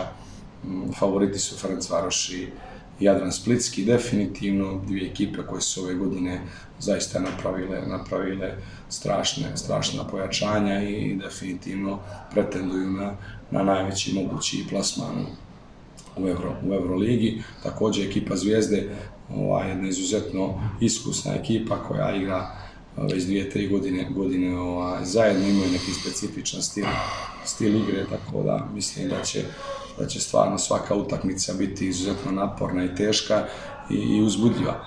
Ali ne možete očekivati da ćete dobiti lake protivnike u Euroligi, sigurno su svi ti klubovi tu zato što to zaslužuju i ovaj, zaista je čast, čast da smo ponovo, ponovo dio tog nekog elitnog, elitnog društva. Što se tiče naših ciljeva, nadam se da ćemo uspjeti da odigramo sve mečeve na jednom, na jednom dobrom vrhunskom nivou. Zaista mislim da smo u meču protiv Ferenc Varoša pružili jedan, jednu izuzetno dobru, dobru partiju, ali mislim da smo platili, platili ceh tom neiskustvu, nismo iskoristili neke određene šanse koje smo, koje smo stvorili i kad igrate protiv takve klase kao što su ovaj, Varga, Adisoma, Mandić, da ne nabrajam dalje plejadu čitavi tih igrača, ali jednostavno u takvim mečevima bivate, bivate kašnjeni. Vraćamo se ponovo u, u studiju. Čuli smo Petra Radanovića, eto trenera Jadran iz Herceg Novog. Uh, imamo dogovor, odmah ti kažem i sa, sa Petrom, kad bude dolazio u Beograd, doći će doći u podcast i stvarno je veliko zadovoljstvo eto, da, da, da popričamo i sa njim. Dugo je, dugo je prisutan, dugo je trener u Jadranu i možemo samo da poželimo Jadranu sve najbolje u nastavku sezoni. Ja se zahvalim ovim putem i Milošu Mračeviću na konstantnoj saradnji koja traje već od kako je Matene podcast e, pokrenut, tako da ovaj, eto sa Jadranom baš onako lepa, lepa saradnja. Da kako si najavio trenera Petra Radanović, mislim da će da nas vodi na ručak kad dođe u Beograd, a ne da, da se naš, ali dobro. Šteta. Šteta. Nema veze. Vodit ćemo mi njega. Da, vodit ćemo mi njega. ovaj, svidelo, svidelo mi se najviše ova trofejna sala iza, iza gospodina Radanovića. Um, ajde, šalu na stranu. Pa upravo ono što smo pričali o ekipi Jadran, znači, to, ovo je da na, na neki način nagrada Za Vatrepolo klub Jadran je iz Herce Novog igranje Lige šampiona. Za ceo trud koji su prethodnih godina uh, napravili i uh, sa mladom ekipom i sa stavanjem igrača i sa velikim benefitom koji ima taj klub uh, kroz prelep škver koji se nalazi na samoj obali mora gde je nezaobila za stanica svih svih klubova iz celog sveta tokom leta, tako da svaka im čast na tome i uspeli su da, da stvore veliki benefit od tog otvornog bazena koji, kažem, je, je onako jedna, jedna svetla i bitna tačka uh, Herceg Novog, a sad to što će igrati e, Ligu šampiona je samo potvrda kva, nagrade i rada svih ljudi u klubu i e, to, je to je negde i rekao gospodin e, Radanović da da žele da afirmišu još bolje svoje igrače i da su s tim pojačanima samo e, dali, dali značaju na, na, na, na tim planovima koje imaju kao klub. E, rekao je koje su uloge favorita, ko će da po njegovoj proceni bude uh, u tih prva dva, ali mislim da ne, ne treba ih tako lako odbaciti i odpisati. Kažem, mislim, po mom nekom osjećaju, mislim da će Jadran iz Hercenovog imati jako dobro domaćinstvo, jako, jako dobro biti u, u, u Trebinju. Eto. Ok, ajde vidjet ćemo, naravno, analizirat ćemo kad se završi prvi deo sezone, pa zapamtit ću šta si, šta si rekao. Dakle, Ferenc Varoš ti je drugi favorit, ovde daje šansu Jadranu iz Herca. Nisi mi rekao ko je prvi favorit? Šta kažeš? Ko je prvi favorit? Kada mi budeš povedan ručak, već. Aha, dobro, ok. Ništa, ajde prećemo onda, idemo na, na, na grupu D. Uh, tamo je Barceloneta u prvom meču bedljivo savladala Španda u uh, 16-6 je bilo očekivano, dakle Barceloneta je tu odradila posao, izabrani Cjelvisa Fatovića su a, doveli sa Nahuju u španskoj repesticiji sa Badelja, a doveli su dva momka iz juniorskog tima, a, doveli su a, a, Domaga Jozovića iz Jadrana iz Splita, otišao je, otišao je Matković, je otišao u Noizila Seki i Fernandez se Fernandez se penzionisao, da, završio je. Postoje trener mlađe kategorije. Postoje trener mlađe kategorije, da. Da, da. To, ti, njega, ti njega poznaješ Ali i generacijski. generacijski, da, igrali ste zajedno, tako da... A, pazi, Barceloneta, Barceloneta sa ova dva, znaš, sa, sa Nahujom, to opet, na- znaš koliko puta su pričali ta, ta, ta desna strana da nam je bila problematična. Evo sad imaju dva levoruka igrača. E, došao je Domagoj Zović da eto čisto bude eto mala da kažem ajde i pomoć. Je li Paviljar ostao? Pa Viljar je ostao, da. Odlično. Imat ćemo koga da spominjemo u prenosu. Ne, en, ajde, interesantno će biti sa dva levorko igrača. Mislim da je to više Elvis doveo zbog cele sezone da ima Pa zbog roster, roster, tima, roster da. na, Da, na, da. na raspolaganju. E, ne, v- nekako mi je Barceloneta onako najmanje, najmanje bilo upadljiva tokom pre, prelaska ovih uh na, u, u, ovog leta. Njima je bilo najbitnije da im Perone ostane što su ju uspeli da uradi i to je to. Sad, um, kako će odreagovati Barceloneta u toj grupi, to ćemo da vidimo do kraja, do, do kraja sezone, ali isti sličan vaterpolo neguju igraju od, od, kako smo gledali i prošle godine. Samo mi je krivo što Barceloneta već e, dok je Milan Aleksić igrao za Barcelonetu, videli smo kako su superiorni, kako, kako dobro igraju u toj u klubskom, u, u grupnoj fazi. I onda kad dođe ta velika scena, Final Eight, završnica, uvek, se, uvek, je, uvek se nešto ispreči i ne dogodi se ono što su želeli. To je prvi put u Beogradu bio Proreko i sad ovaj put se desio Novi Beograd, tako? Jeste. Da. Jeste. I znači, čak su jedno dobili Voljagmeni ovde dok su bili za treće mesto, čini mi se, tako? Jeste, da. Da, ali dobro, ali već su bili, ugasili su se. Da, sa, samo je to ostaje žal. Mislim da da će ove godine imaju svoje šanse za za, za imaju svoje šanse za prvo mesto u grupi, a onda završnicu u Lige šampiona. Ali meni su oni Nikola najupečetljiviji iz- u, u onoj u onoj priči ovaj, ambicija, jer, jer ove generacije španski vaterpolista nedostaje medalje na olimpijskim igrama. I neko im utisak, mislim da i Filipa... Za to smo mi krivi. Pa da, okej, okay, jesmo, mi smo krivi, ali, ali mislim da Filipa to nekako nekako vuče i, i tu će biti najteže. Mi što Elvis Vatović imao sam ideju da nam se Elvis pridruži, međutim nismo se, neko se nismo ukačili, verujem da će u nekom u nekoj sledećoj prilici dogovarali smo se ovde u Beogradu da bude i gost podcasta, tako da nema nema Elvisovih impresija kad je u sezoni, ali baš sam namrno hteo i njega da čujemo jer mislim da će njemu biti najteže ove godine. Jer, jer gro španski reprezentativac u Barceloneti i ubeđen sam da je, da je njima glava negde u Parizu. Iako još Pariz nisu obezbedili, tim teže. Nekih čeka napor na evropsko prvenstvo, a, a ubeđen sam da Filipa upravo taj nagon i vuče i njega u 38. godini života toga verujem najviše inspiriše da, da, da završi karijeru sa olimpijskom medaljom. Da, 38 godine života po papirima, vidjet ćemo dalje. ovaj... Se našli malo na Filipevu račun. Da, nije ni važno. Ovaj, pa mislim, negde sam imao prilike da pročitam da će ovo biti njegova poslednja godina igre za reprezentaciju, kako sam shvatio. Sad ne bih da, da čoveka oteram ranije u penziju da ga prejudiciram, ali mislim da, da delim tvoje mišljenje i da žele da probaju još jednom da, da odigraju tu olimpijadu ukoliko se plasiraju -huh. i da, da probaju da uzmu medalju od, od davne 96. Čini mi se od Atlante. Je li tako? Jeste. Od jest. Atlante, čini mi se, da. Jest. Od Atlante. Jest. Mislim da, da Španija nikad nije bila... Ok, bili su u Tokiju jako blizu, ali i Srbija i Mađarska su bili ispred njih i dobro je da je bilo tako jer smo, smo uzeli zlatnu medalju, ali e, delim tvoje mišljenje i mislim da Španija je jedan od favorita i za plasman na olimpijske igre, a i boga mi za medalju na olimpijskim igrama. Ništa, šta nam prostaje nego, nego da čujemo upravo dotičnog Filipe Peroni. Pozdrav svima. Prošla tjedna smo počeli Liga šampiona protiv Španda. Dobro je bilo, dobili smo. Ali generalno mislim da ova, ova Liga šampiona opet a, najjača ekipa, velik favorit je Proreka. Ali imaš a, Novi Beograd sa, sa, sa Fićom, sa Filipović, sigurno će biti isto velik kandidat. I Ferenc Varoš koji je stra, napravio je strašna ekipa sa Duša Mandić i Eduardo Soma i, i ova baza od mađarska reprezentacija. Ali mislim da opet mi ćemo imati naše opcije. Zadnje 6-7 godina mi smo izgubili uvijek sa ovaj koji je završio šampiona. Prošle godine smo izgubili protiv a, Novi Beograd koji je onda u finalu igrao protiv Reka. Ali mislim da će biti će bit super Liga šampiona. Utakmice su bili ko uvijek onako na detaljima. I, ali neće biti lako da biti u Final Four drugačije nego ovaj Final Eight. Što se tiče raspored, sad je, to će biti druga sezona. Mm, to je prvi put kada igramo ovako. To će biti baš ovako dva dio sezona do kada počne Europsku prvensku, onda Europsku, Svetsku prvensku i onda opet Liga šampiona. To će biti malo čudno. Ali ja imam ovako neko druga razmišlja nego drugi igrači možda. Ja mislim da ovi utakmica su najlepše da igra. A, to je ko šta ljudi se interesiraju. Ja mislim da zato, ako gledamo NBA, igraju ne znam, 80 utakmica, zato što ljudi vole taj utakmica. Ili ako gledamo nogomet, ili ako gledamo drugi sport, koji su najjači, igraju utakmica koji realno ljudi ima interes.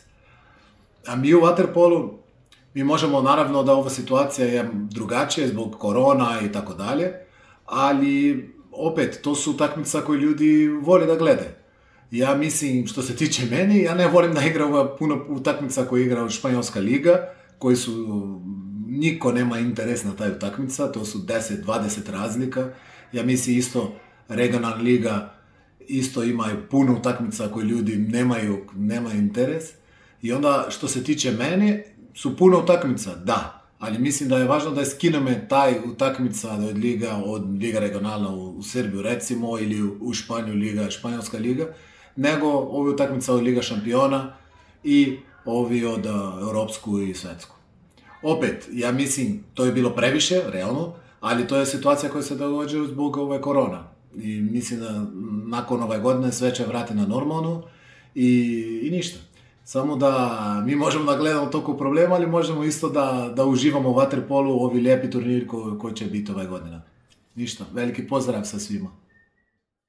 čuli smo prijatelja kuće, naše drago Filipea Peronea. Šta reći ovaj, dodati nešto novo što je što je Filipe pričao ili, ili nema potrebe se A ne, drago mi je što je spomenuo i svoje saigrače, prijatelje, drugare u klubovima koji koji su po njemu favoriti za osvajanje Lige šampiona, to je Novi Beograd i Ferenc Varoš i Filipe uvek, ajde, prijatan i drag sagovornik i, i, i- čovek, ovog puta bi ga pozdravio i poželeo mu da, da uspe u toj nameri sa, sa španskom reprezentacijom, da se plasira, pa i onda da se popre na postolje na, na olimpijskim igrama. Ehm, rekao je da da Barcelona, Barcelona kao klub ima svoje šanse i vidi svoje šanse kroz takmičenje grupne faze Lige šampiona, pa i onda dalje u nastavku, ali neki da se malo vratimo sad nazad, jako dobra stvar ove godine u, u, što je što je što je napravljeno Leno da da niko ne ispada iz Lige šampiona ako zauzme treće, četvrto mesto. Ako, mm -hmm. tako? tako je. Svi se spuštaju u taj Len, Len Eurocup, što je jako dobro.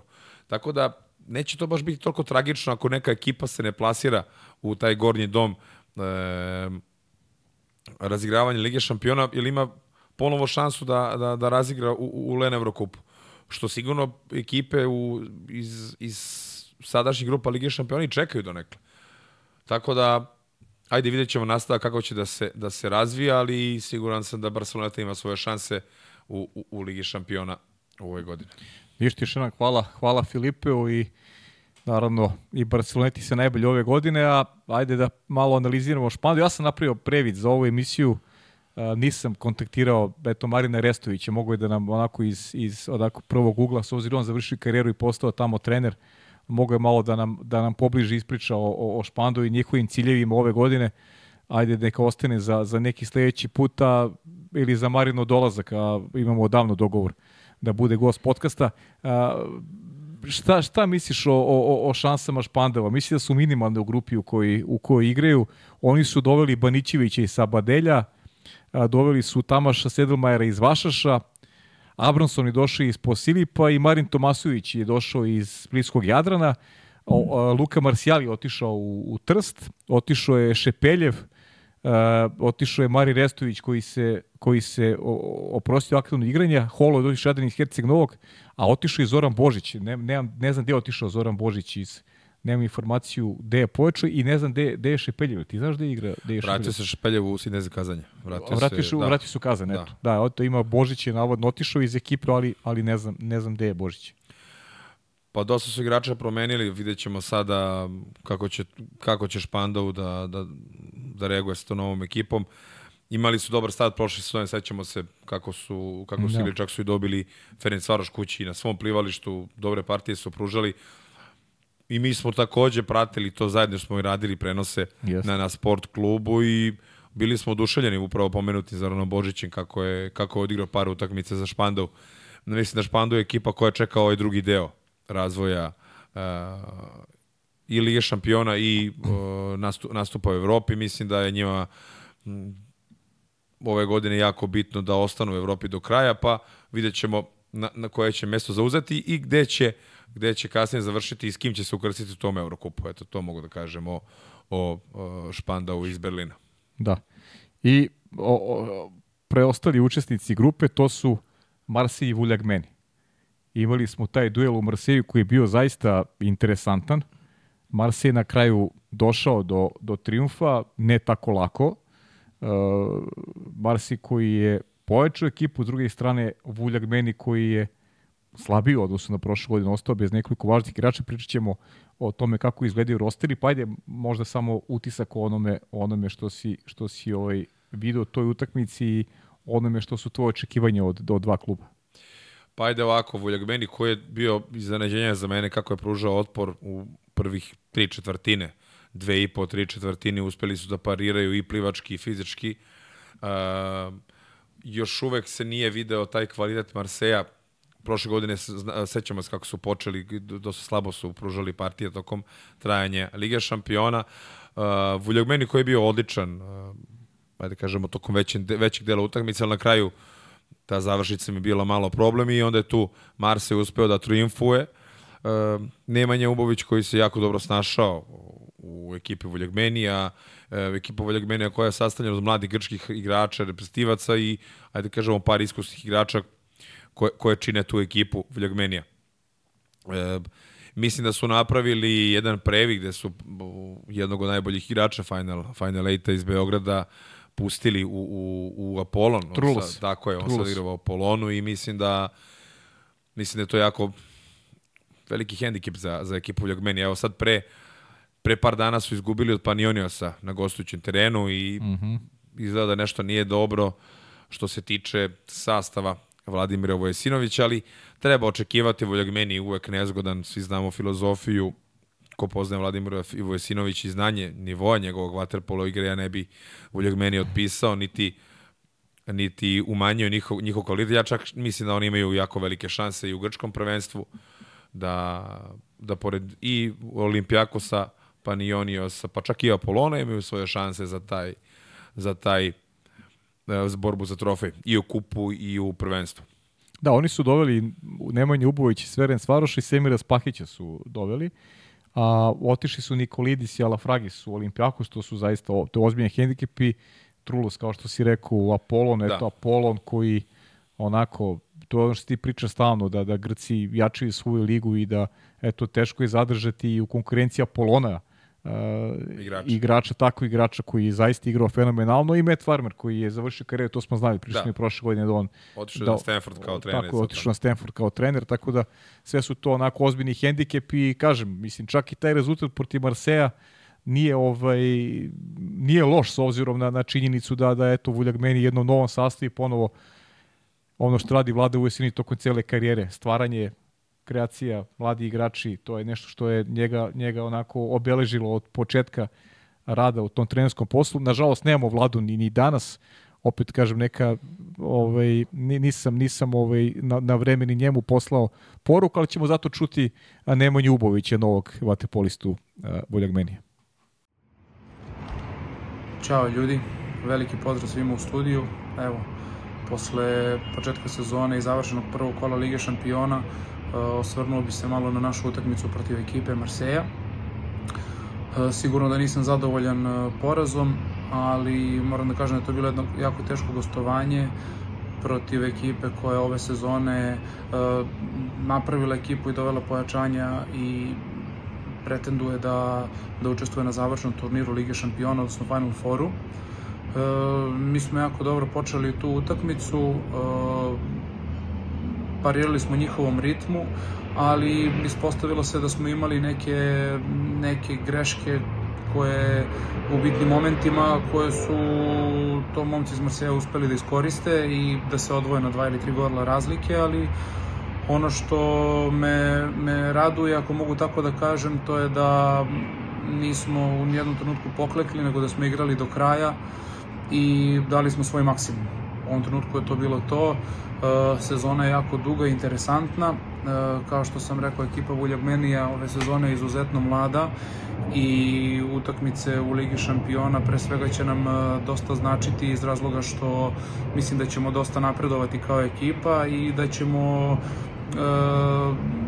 dosta spremno dočekati drugi deo sezone koji opet ponavljam biće jako interesantan iz razloga što je ovo prvi put da sezona ima break od tri meseca zbog reprezentativnih obaveza. E, ukoliko se ne plasiramo u drugi krug Lige šampiona, e, nastavit ćemo takmičenje u Len Kupu koje isto smatram da je ove sezone izuzetno jako, biće dosta dobrih ekipa i biće neizvesno do samog kraja. E,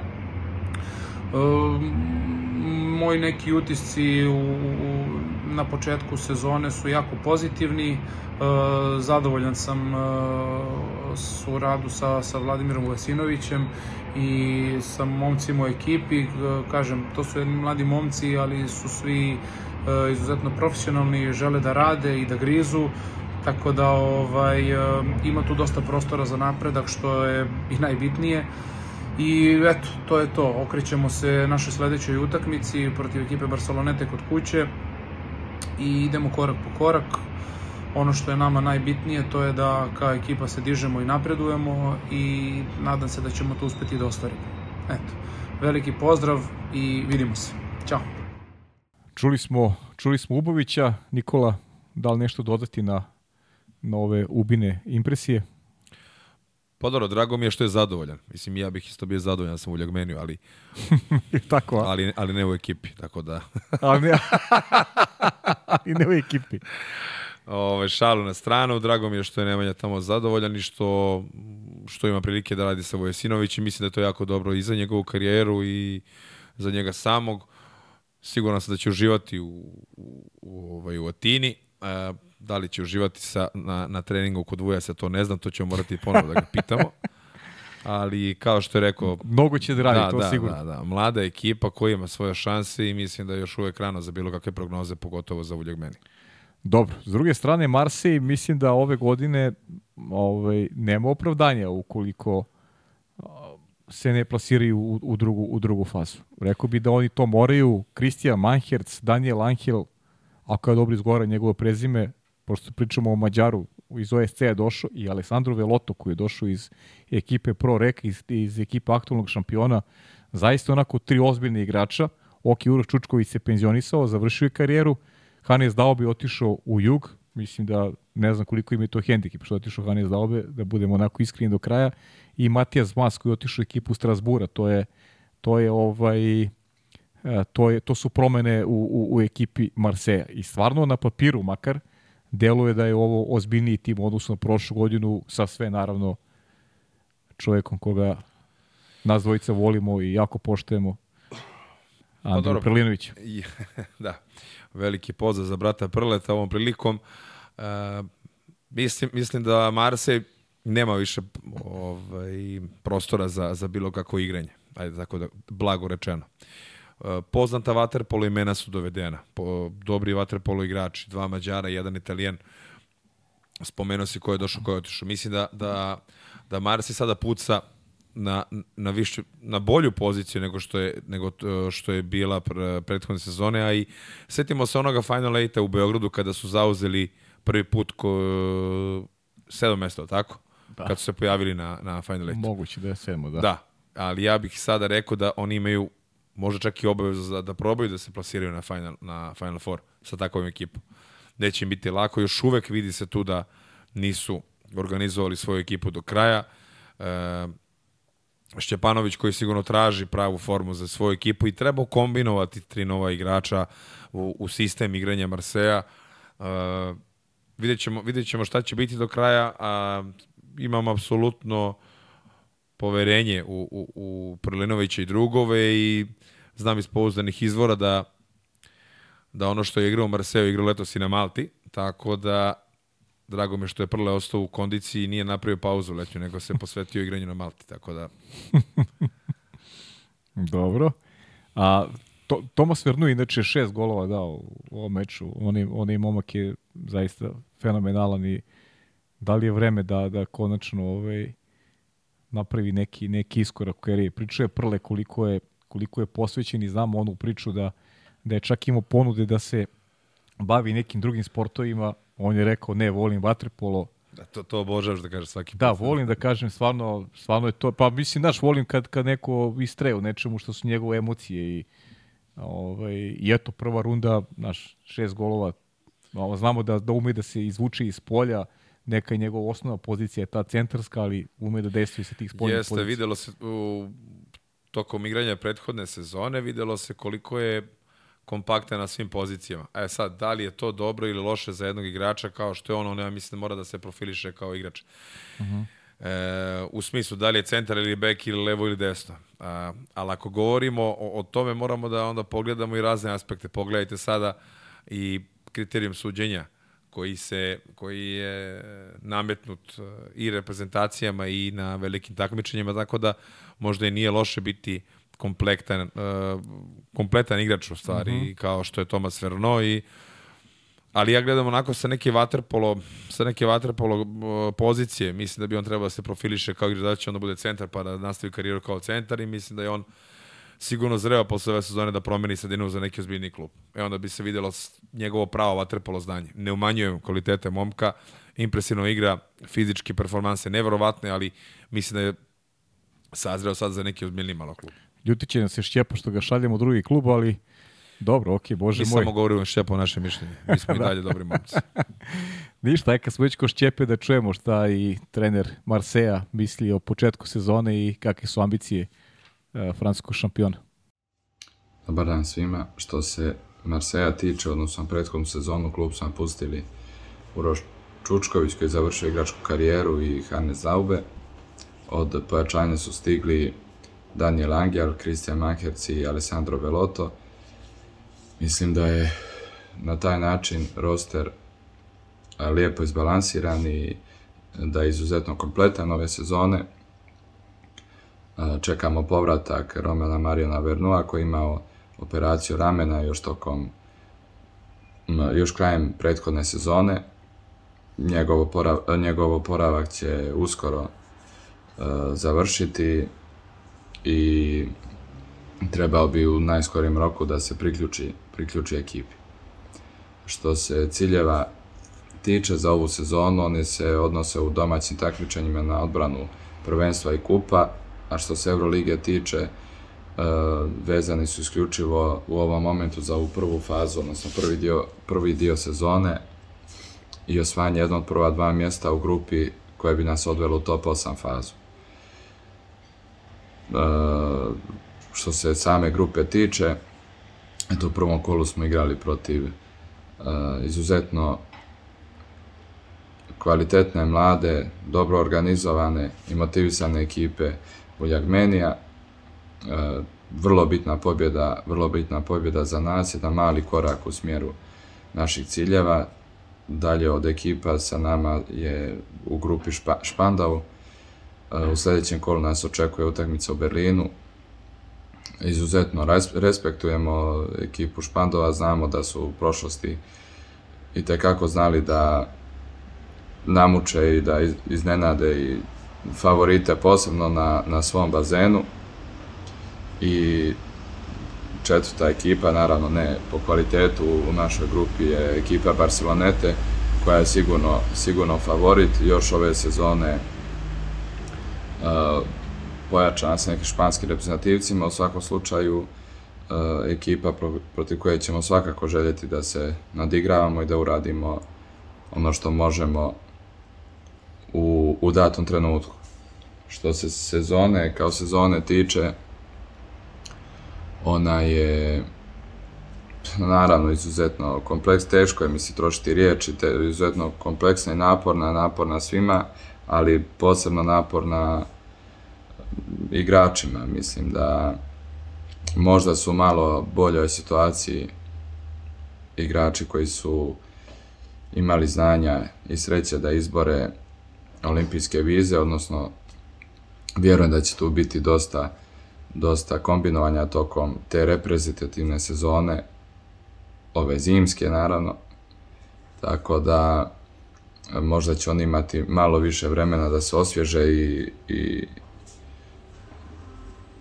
i ne znam, odigraju jedno, možda od dva takmičaja tokom godine, ali sve u svemu za, za veliki dio, veliki broj igrača očekuje izuzetno stresna i naporna sezona s obzirom da nije teško naravno zaključiti da je centralni događaj četvorogodišnjeg ciklusa da su olimpijske igre i kada su one u pitanju nije teško odrediti prioritet, međutim svaki igrač želi da je motivisan i spreman i kad dođu utakmice Eurolige i za evropsko prvenstvo, za svjetsko prvenstvo, a posebno ove sezone gdje evropsko prvenstvo donosi e, plasman na svjetsko, koje opet donosi plasman na olimpijske igre, tako da za veliki broj igrača će biti jedna izuzetno stresna sezona gdje će odigrati veliki broj utakmica koje su onako dosta, dosta važne s obzirom da uh, je u pitanju plasman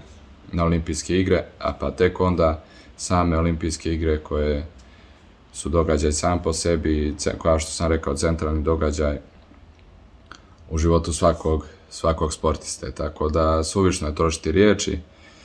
Mi što se Marseja tiče, mi smo eto, fokusirani, kažem, na taj prvi dio sezone, teško je bilo šta predviđati. Nakon, to, nakon, nakon te repreze- reprezentativne pauze, prije svega se nadam da će, da će svi igrači biti zdravi, da neće biti povreda s obzirom na, na ogroman broj utakmica. Eto, to, toliko od mene, veliki pozdrav i hvala.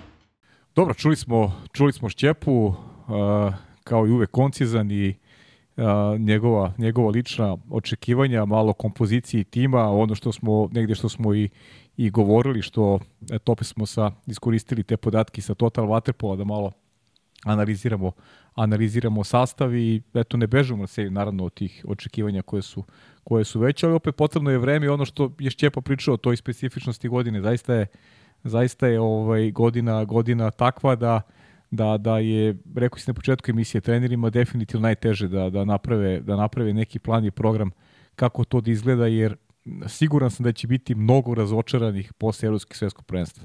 A opet s druge strane biće mnogo onih koji će razmišljati o tome aha, idem na olimpijske igre. Znaš, i to mi je neki, neki cilj. I zaista u, u svemu tome ovaj, treba naći neki balans i mislim da da neki i vlasnici klubova ili ti čelnici moraju da budu malo pomirljivijeg stava i možda da progledaju kroz prste ukoliko, ukoliko godina baš i ne bude ovaj satkana od, od onoga što, što su oni zamislili svojim glavama. Pa mi od ove sezone možemo da očekujemo da baš neće poći sezona svim ekipama onako kako hoće i svim trenerima ili čelnim ljudima kluba. I moramo biti i čak i spremni negde za neka prijatna ili manje prijatna iznenađenja što se tiče e, evropskog vaterpola, ali sve je to zbog takvog kalendara kakav jeste. Sve je to zbog igrača koji će da nastupaju za reprezentacije, sve je to zbog igrača koji će da igraju i budu nosioci igre u svojim reprezentacijama, probaju da, da se bore za, za za medalju, probaju da se izbore viza za, za Pariz i šta onda dobijate na kraju kad se vrate u klubove, isto će biti moraš, isto i ovo. E sad, to moraš ili to je mnogo lako reći, ali mnogo teže uraditi.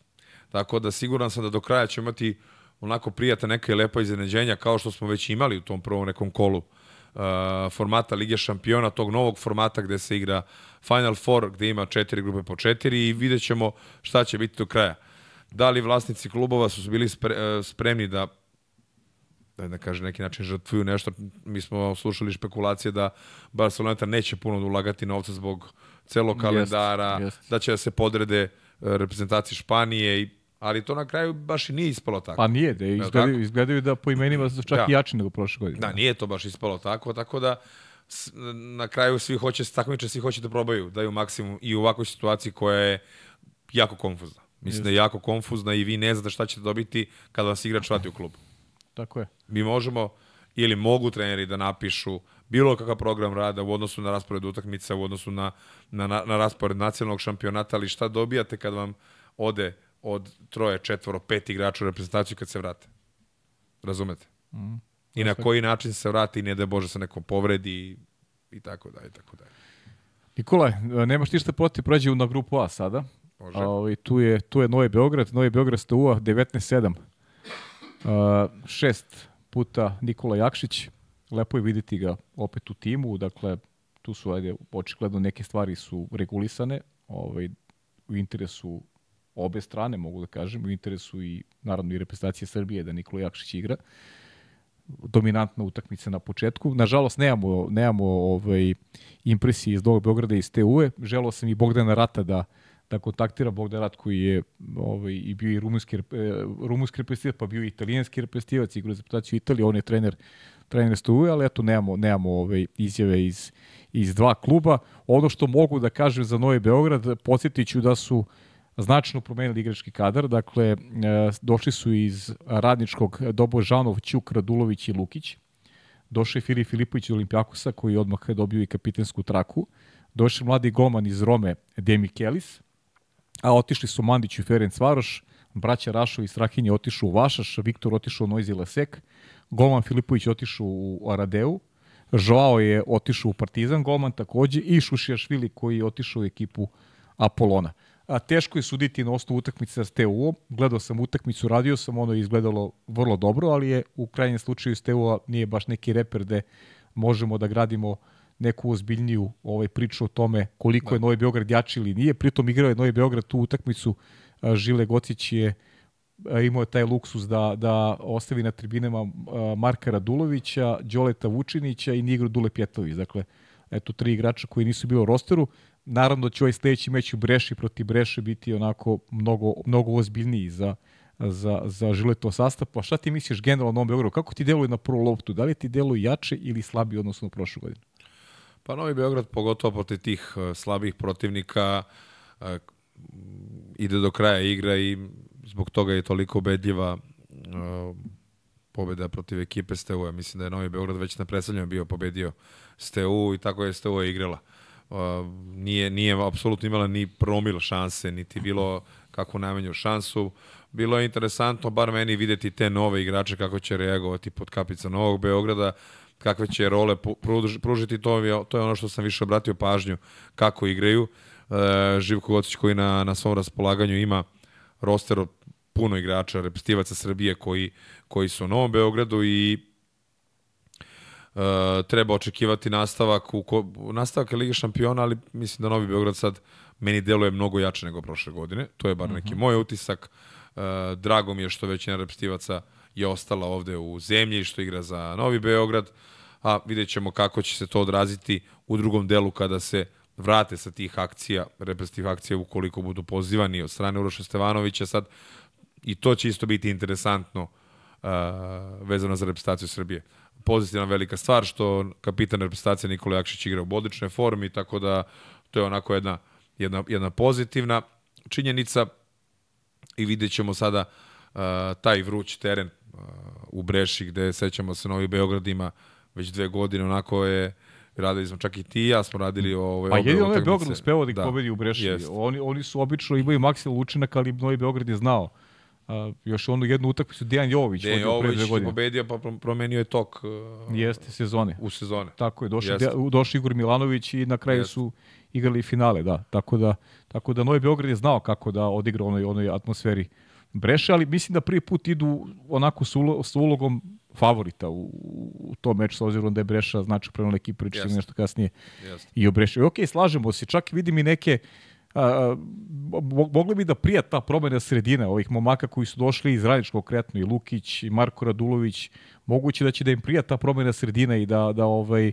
da da tu ovaj i pokaže bolje partije nego što je bio slučaj u posljednjoj sezoni u Radničko znamo da je Marko Radulović imao i pauzu da prilično dugu, da nije igrao utakmice, tako da sve su to neke stvari koje onako mogu da pomognu ovaj i državnom timu, a da pomognu naravno Novom Beogradu. Ja se slažem sa tobom da onako deluje deluje da Novi Beograd možda ima veću lepezu igrača, kvalitetnih igrača koji možda pomogne da se jedna naporna sezona onako izdrži u, u, u kvalitetnom ritmu.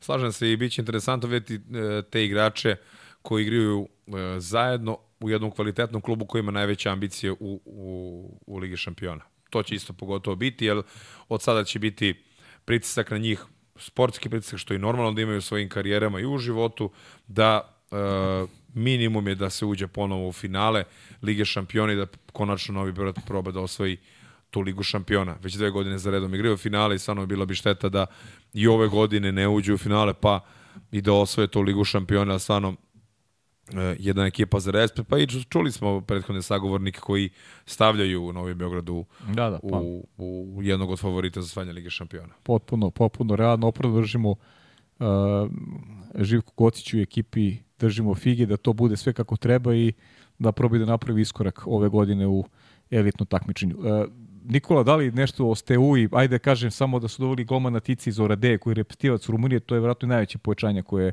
je dovela Stu. Oni su inače osvojači i titule i, i kupa Rumunije.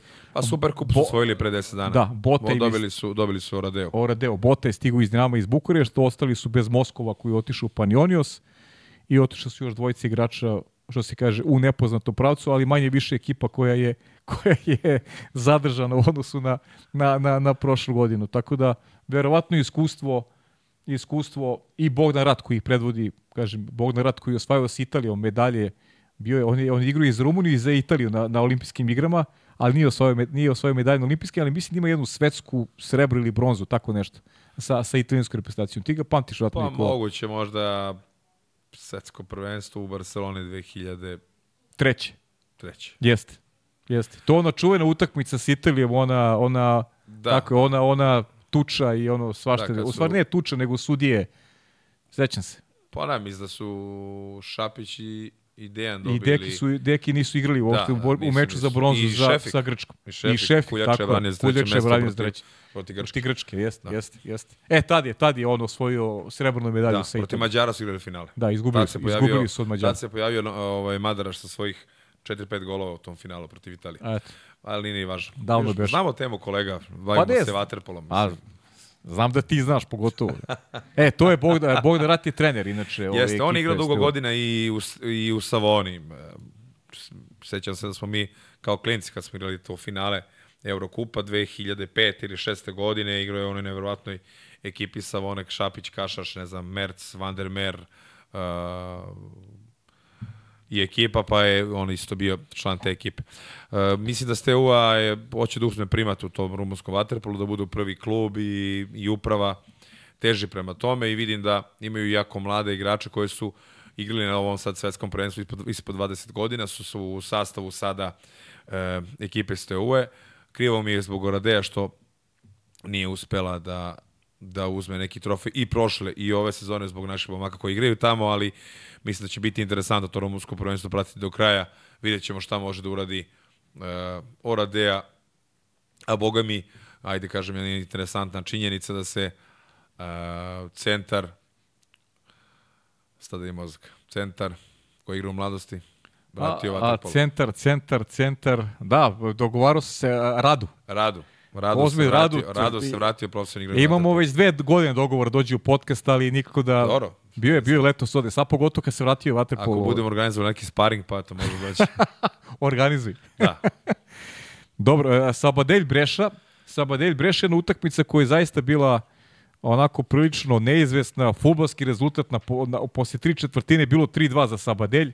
Imali su Španci vostuju od 5-3, međutim Breša uspela da izjednači na 5-5 i da, i da na kraju nakon boljeg izvođenja peteraca a osvoji dva boda Sabadelju jedan, to su eto nova pravila koje sam ja ignorisao na početku sezone, onaj meč Olimpijakos Jug. Odjavio sam skoro utakmicu i rekao doviđenja ljudi, vidimo se, čujemo izjave trenera, međutim peterci od ove godine na svim i eto da kažem i tim klubskim Ali to je dobra stvar. Pa jeste, slažem Nema se, nerešenog. da. Pogotovo Slažem za, za te malo, ma- malo manje kvalitetnije klubove super stvar. Jer opet imaš A opet i, imaš izvini, i neku- sistem bodovanja kao u hokeju, kad pobediš e, penale, dobijaš dva, Dva boda, boda. Poreš dobije jedan. Tako Znaš, je, to je, to je tako dobar je. sistem bodovanja. Nije loše. Mislim, ja gledam sa te neke psihičke, psihološke strane.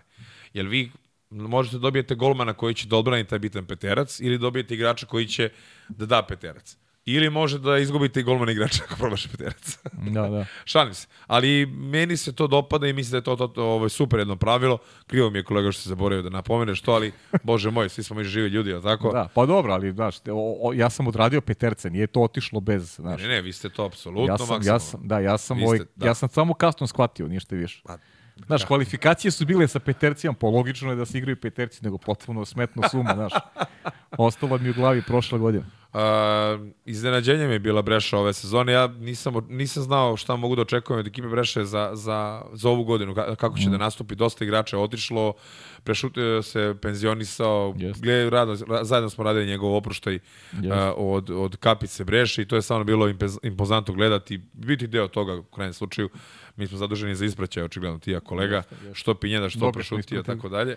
Ovaj, I negde su pa evo, možda možemo da kažemo da Breša je malo žrtvovala sada ovu sezonu, da vidi, da, nastup, da, da, na, da uradi nastup sa mlađim igračima, pa da vidi dokle mogu da, da dođu.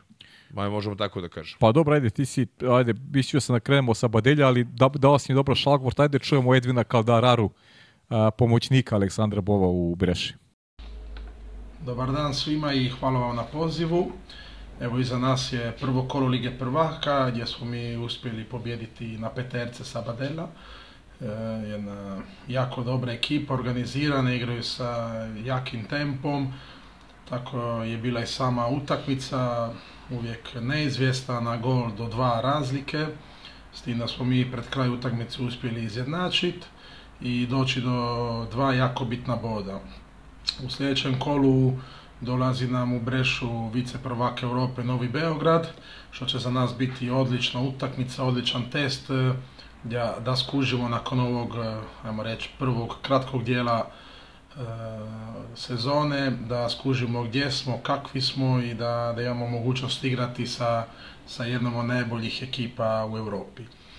Što se tiče naših očekivanja, mi smo s obzirom na prošlu sezonu promijenili sedam igrača, došli su nešto mlađi igrači sa možda manje internacionalnog iskustva, ali sa jakim potencijalom, tako da, da vjerujemo u ovu ekipu i treba će nam samo eto, nešto vremena da se uigramo, da se upoznamo, tako da nam je svaka utakmica svaka utakmica nam je bitna.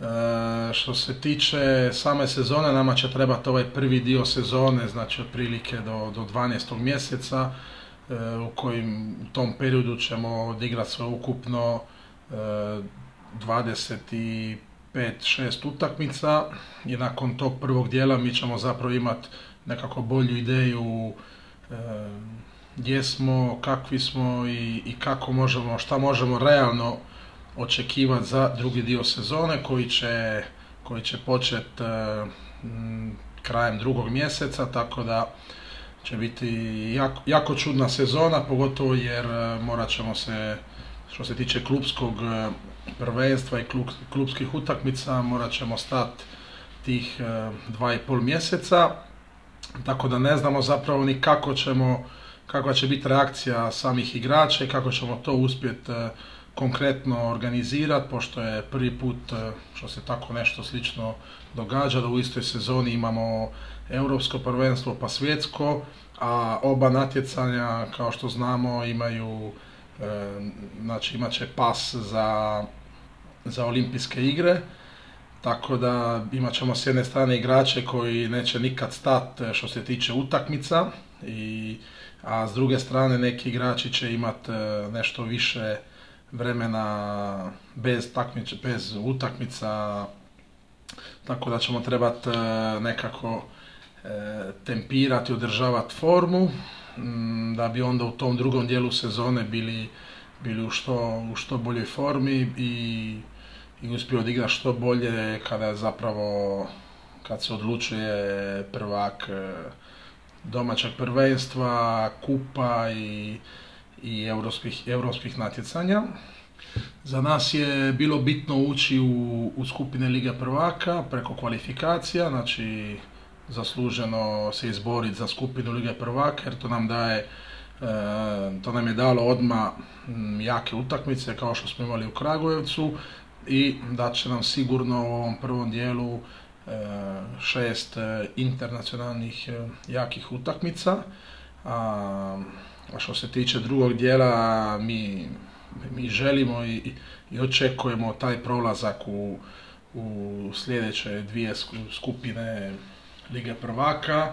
Međutim, znamo da to neće biti jednostavno, pošto nam je i sama skupina, znači tu je vice prvak e, Europe, tu je Sabadell s kojim smo već odigrali i s kojim znamo da neće biti lako odigrati uzvrat kod nas kući i koji tu imamo Steavu koja je e, rumunjski prvak, ima većinu rumunskih e, reprezentativaca. Čuli smo Edvina Kalderaru, dakle ono što je meni Edvin pričao još nakon završetka finalnog turnira u Beogradu, tada se znalo da će Breša ovaj, imati malo drugačiju kompoziciju tima, da će pomladiti ekipu uh, ko zna koji put u posljednjih 7-8 godina je Breša ostala bez glavnih igrača. Otišli su Prešuti koji se penzionisao, Disomo u Ferenc Varoš, Boris Vapenski koji se vratio u Dinamo iz Bilisija, Harkov koji se vratio u Jadran iz Split, Luongo koji je povećao Bolonju, uh, uh,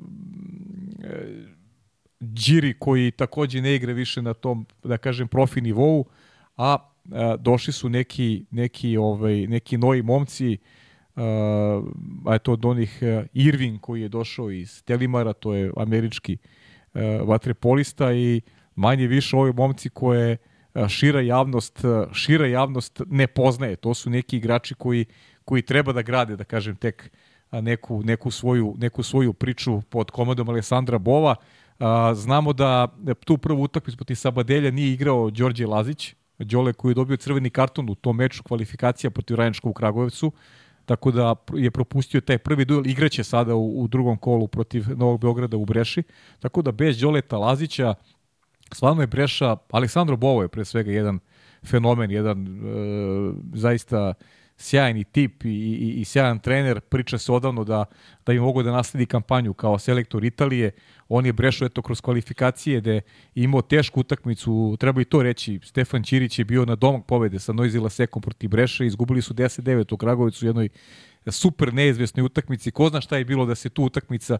Znam da je Viktor Rašović imao, imao šut za nerešeno, za peterce, neki desetak sekundi pre kraja, tako da je odlučivala ta utakmica Radničkog i Breša, ali Radnički očigledno da nema, da nema kvalitet. 15-8 bedljiva je pobedila Breša i došla do Lige šampiona, da evo već na početku pokazuju da, da, da sistemski e, Bovo i tekako zna šta radi, da, da zna profil igrača koji mu nedostaje i sad novi momci od ovih momaka vjerojatno pravi neku, neku buduću ekipu koja će biti stabilan, ajde da kažem, Euroligaš.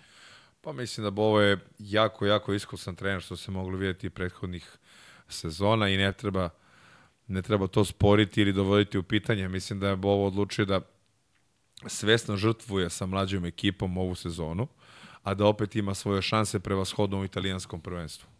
Ja bih definisao tako ekipu mm -hmm. Breše za ovu sezonu.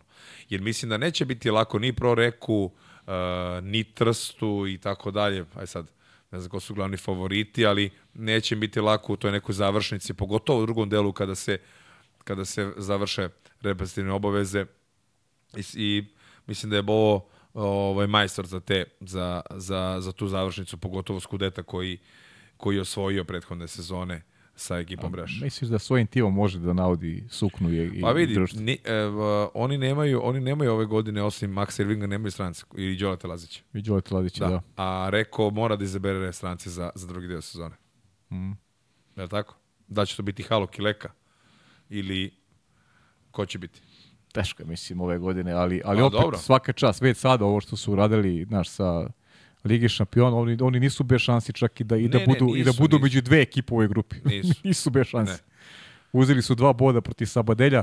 Ajde da kažem malo o Sabadelju, mada realno opet mogo sam Stefana Vidovića smo mogli da zovemo da, da, da nam on da ovaj, malo neke, neke, neke impresije, ali, ali drugi put ćemo, drugi put ćemo ovaj, da, da zovemo i Stefana koji je došao iz Ortiđe ove godine u Sabadelj. Oni su doveli Maljaraha iz Barcelone, starog dobrog Maljaraha, Barosa su doveli iz Salerna, Fin Šuce iz Hanovera, jed, e, to je interesantno, jedini nemački igrač koji igra u inostranstvu je, je levoruki Fin Šuce, uh, Asensio iz Barcelone i to je to kad je u pitanju dolasi, a ostali su bez Sanahue koji je otišao u Barcelone, to je najveći hendikep definitivno uh, Sabadelja, Kabanjac je otišao u Dubrovački jug, Bertran otišao u Barcelonu, Banićević otišao u Špandau, a Teklas otišu, u, otišu u terasu, dakle to su neki neki igrači koji su prošle godine imali ulogu u Sabadelju, ali ba, i na papiru je evidentno da, da je Sabadelj da je Sabadelj slabiji u odnosu na, na, na prošlu godinu. Jeste.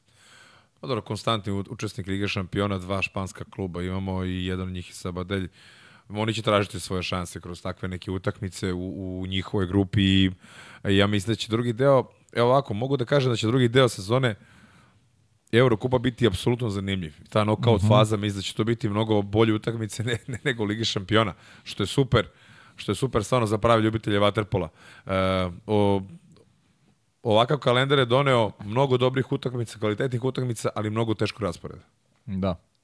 Mislim da će to biti definitivno definicija ove nove vaterpolo sezone. Ok, ajde mi ostala nam još, još grupa B da, da analiziramo grupu B. Tu je zaista odigrana jedna fantastična utakmica a, i to prvog dana imao sam prilike da je, da je komentarišem, nažalost, bez tebe, utakmice između Olimpijakosa i, i, i Juga.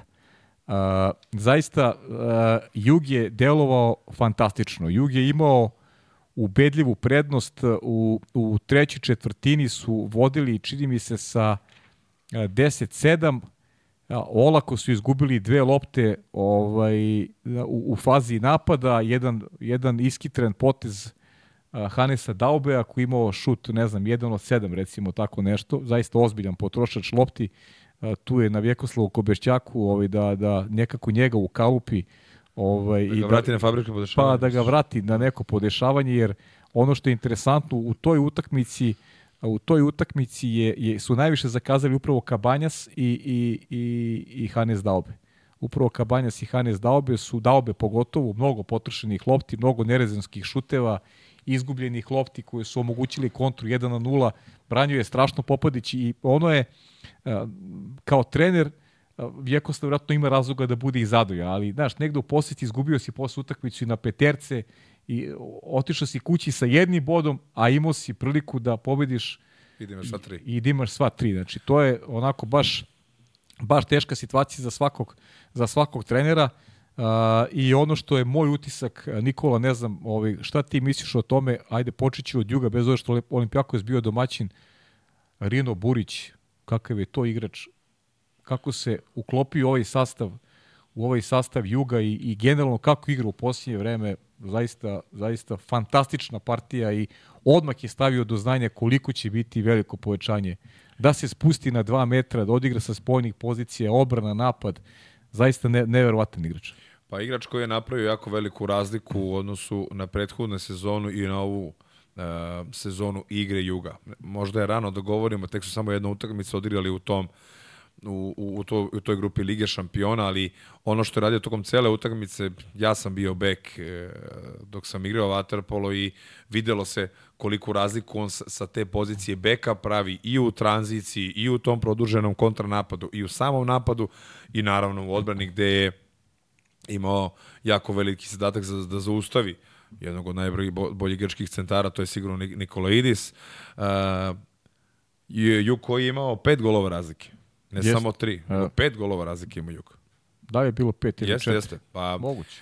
Uh, pet golova razlike je bilo sigurno, jer uh, mislim da je mislim da je aps, apsolutno bio u knockdownu u Olimpijakosu u jednom trenutku.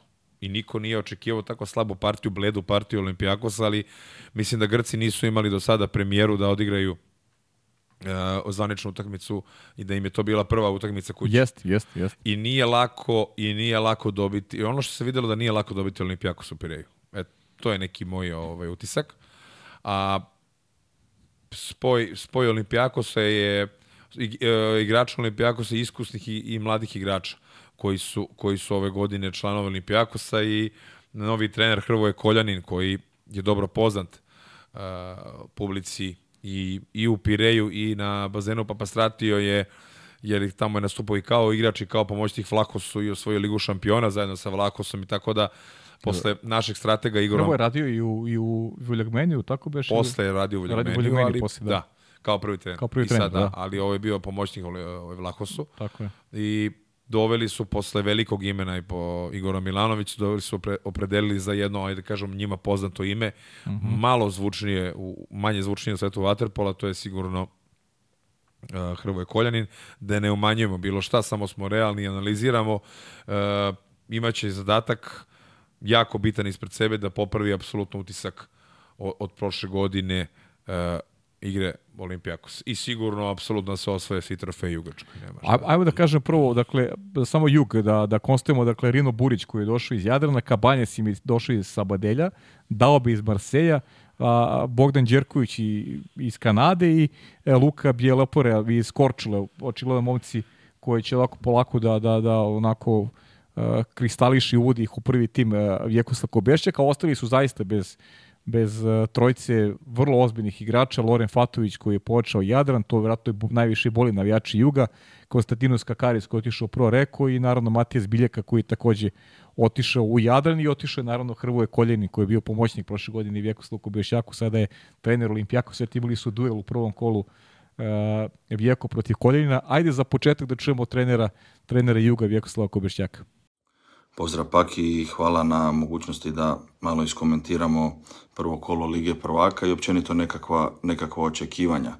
Prvo kolo je pokazalo da niti jedan klub regionalne lige, ono što nas e, najviše zanima i što najviše pratimo, definitivno nije, nije zalutao u, u, u Ligu prvaka. Imamo pet momčadi koje se natječu u Ligi prvaka, e, dva Jadrana, Herceg Novi i, i, i Splitski, Zvezda, Novi Beograd i, i Jug.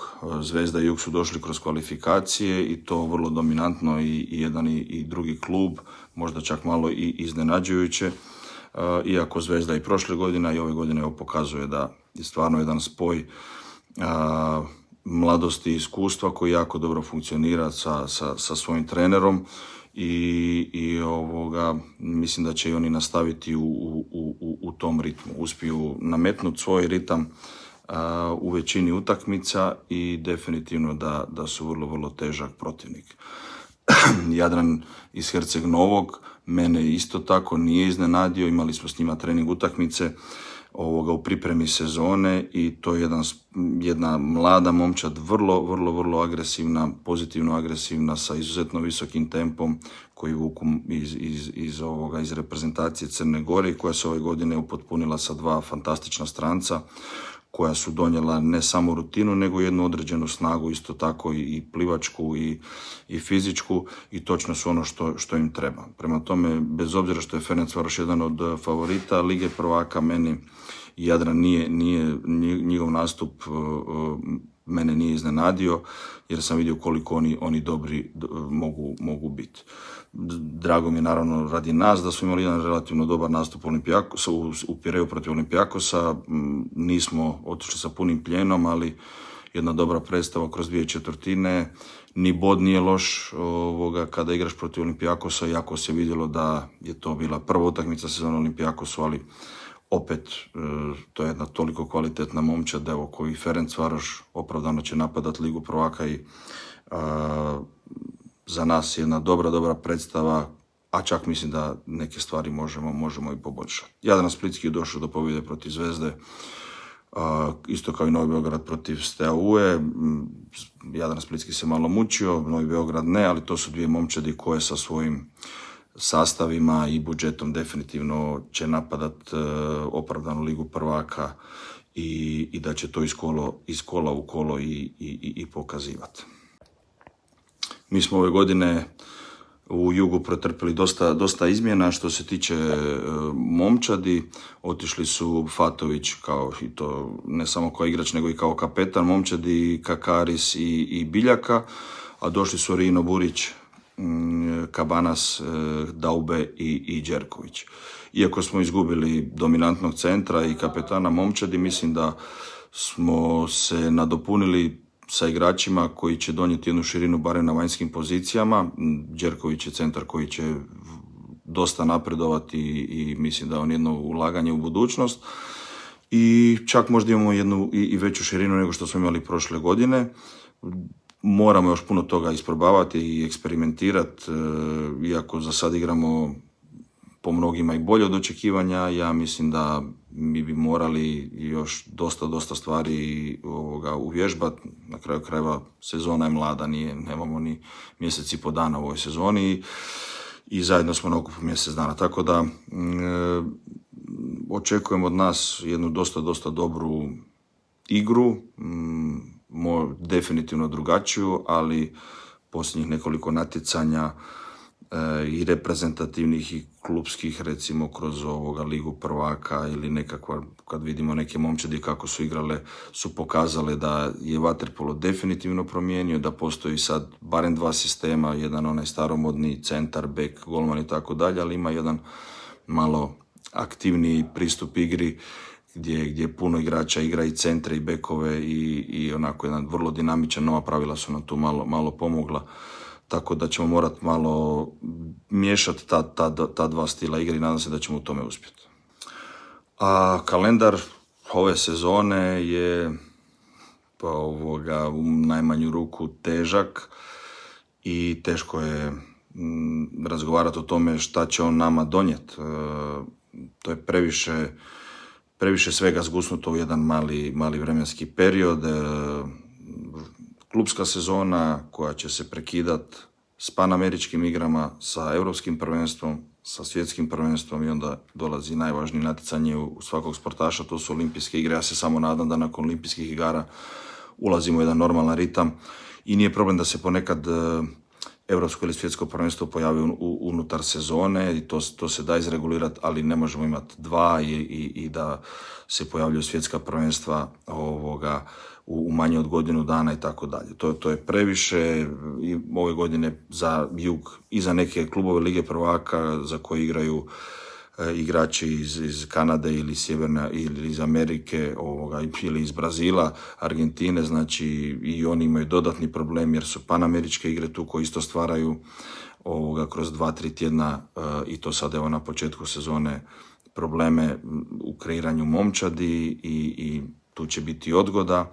Imamo dosta problema u slaganju ove godine regionalne lige, domaćih prvenstava, datume, vrlo, vrlo teško usaglasiti i nadam se da će se to nakon Pariza na neki način dovesti u normalu. Nadam se mm, i, i da će biti dovoljno, dovoljno nekakve pameti da, i razuma da svi, da svi to dogovore na najbolji mogući način. Ovaj sport, to ste mogli vidjeti kroz Fukuoku i svjetsko prvenstvo, pa i neki dan kroz, kroz prvo kolo Lige prvaka, znači sportaše koji imamo, koji igra ovaj po meni predivan sport, oni ne zaslužuju takav nekakav odnos ili, ili, ili oni zaslužuju, to su vrhunski sportaši koji, koji moraju imati uvjete kao i svi ostali, kalendare da gdje bi se mogli odmoriti i, i pripremiti ovoga, i da pokažu ono naj, najbolje od sebe. Eto, nadam se da, da svi skupa možemo o, napraviti ovaj sport m, ipak malo boljim nego što je. Nikola, vrlo zanimljivo Vjekino izlaganje i kao i uvek Vjeko otvoren po pitanju i nekih tema koje su onako goruće, koje neki drugi možda i ne žele da, da ih onako javno ovaj, podstiču. Pa drago mi je kolega što se ostavio najbolju izjavu od svih trenera da se niko ne naljuti ovaj, za kraj. Mislim da je ova izjava i konstatacija Kobešćaka jedna realna slika onoga što će se dešavati u, u evropskom vaterpolu ove sezone, a boga mi i u reprezentativnom vaterpolu ove sezone.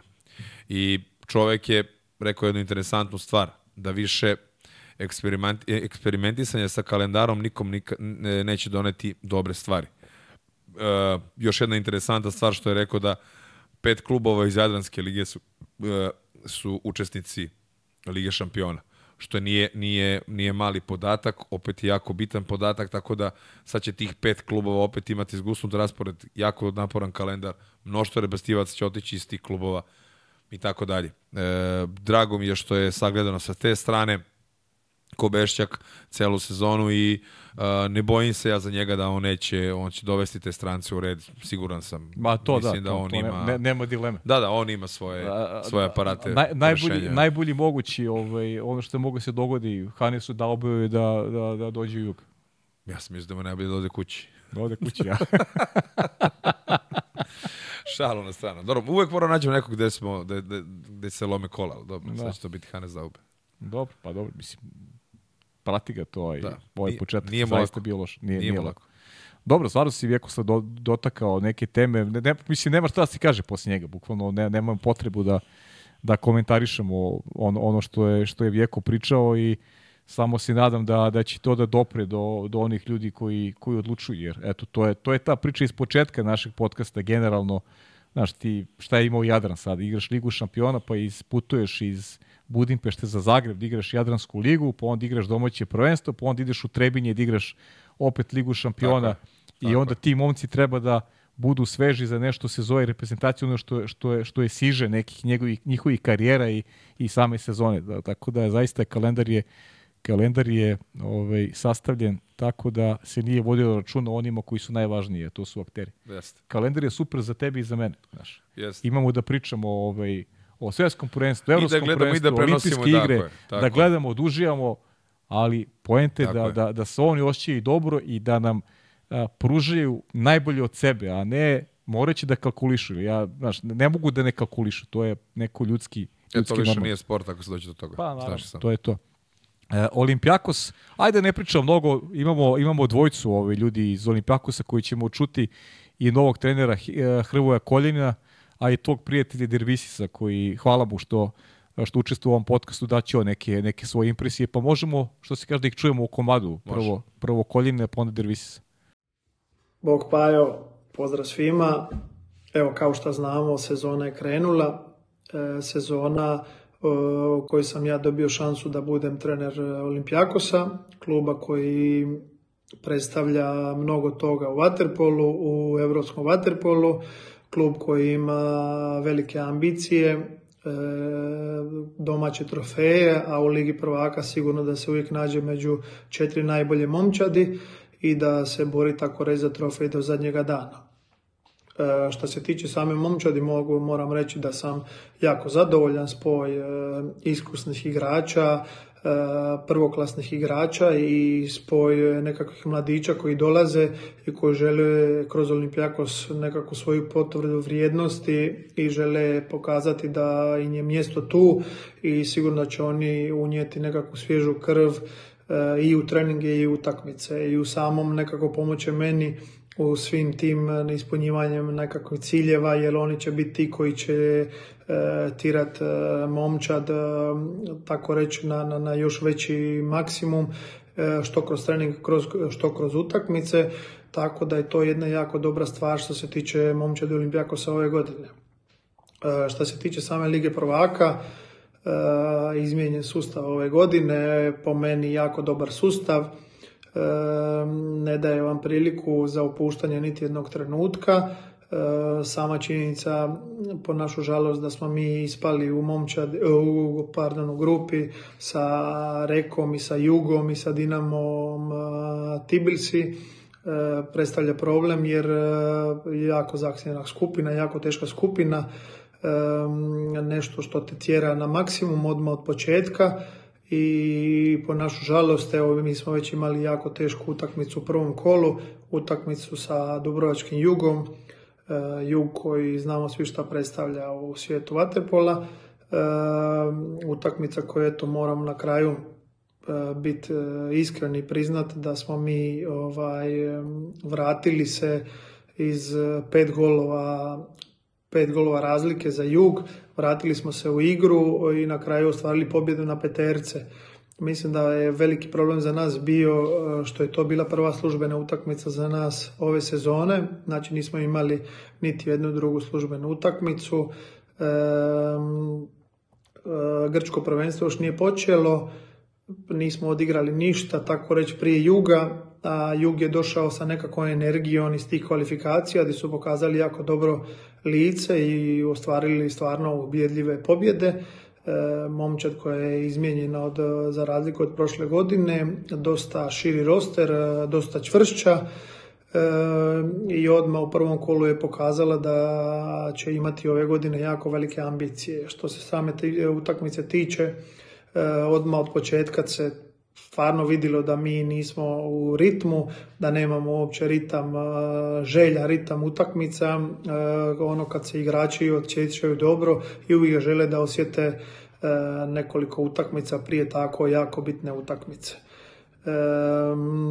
moram priznati, moram pohvaliti, u stvari moram pohvaliti svoje igrače jer nakon pet golova razlike vratit se E, stvarno e, mogu samo prave momčadi pokazati takav karakter i takvu želju e, do kraja za, za, za pobjedom. Sigurno da ta dva boda koje smo izgubili odmah na početku će nam faliti, ali imamo, imat ćemo još prilike negdje i borit ćemo se do kraja da ih povratimo. Cilj naravno je, kao što sam rekao, bit među četiri najbolje momčadi Europe, tako da ovaj, e, ovaj, ove godine su momčadi e, snažnije, mislim, nego prošle godine da postoje veći broj momčadi koje imaju iste ambicije kao što Olimpijakos. E, mogu tu svrstati 7-8 momčadi sigurno. E, bit će jako teško, ali idemo utakmicu po utakmicu, mislim da ćemo mi biti bolji i da ćemo sigurno, ako dođemo do našeg nekakvog željenog levela, e, biti sigurno u prilici da, da, da, da ispunimo te nekakve naše ambicije.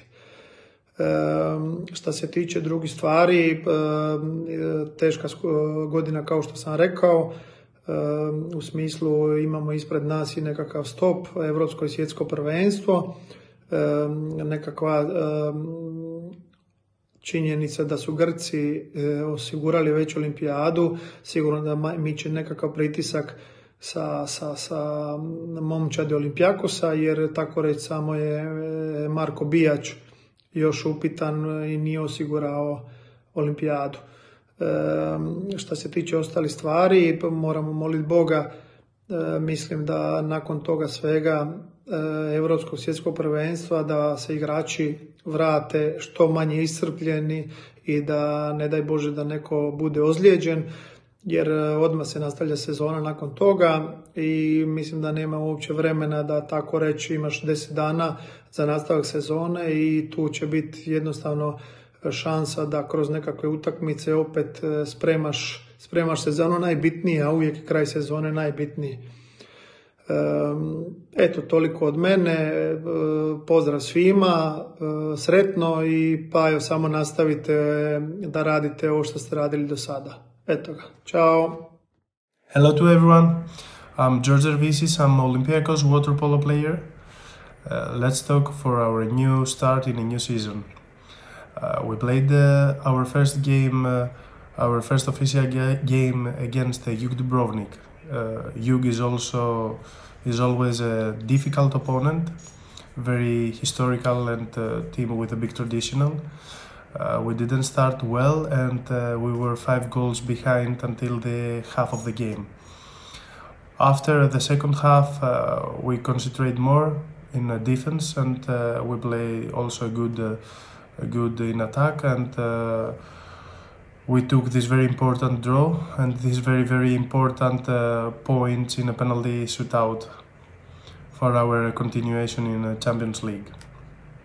Uh, we can speak also about uh, a new formation in the Champions League with uh, four teams in a, in a groups and uh, after a big pause for uh, European and World Championship and uh, this I think it will be a little bit strange. It's uh, new for everyone, and uh, I'm not sure if it will be good for the final result of uh, Champions League. Who knows how it will be the shape of the players after two big competitions, and uh, I think for sure it will be very exhausted uh, for the players and they will be very tired with all these games if we consider that uh, we have played the national championship, the national cup, Champions League, and uh, these big three competitions with national team.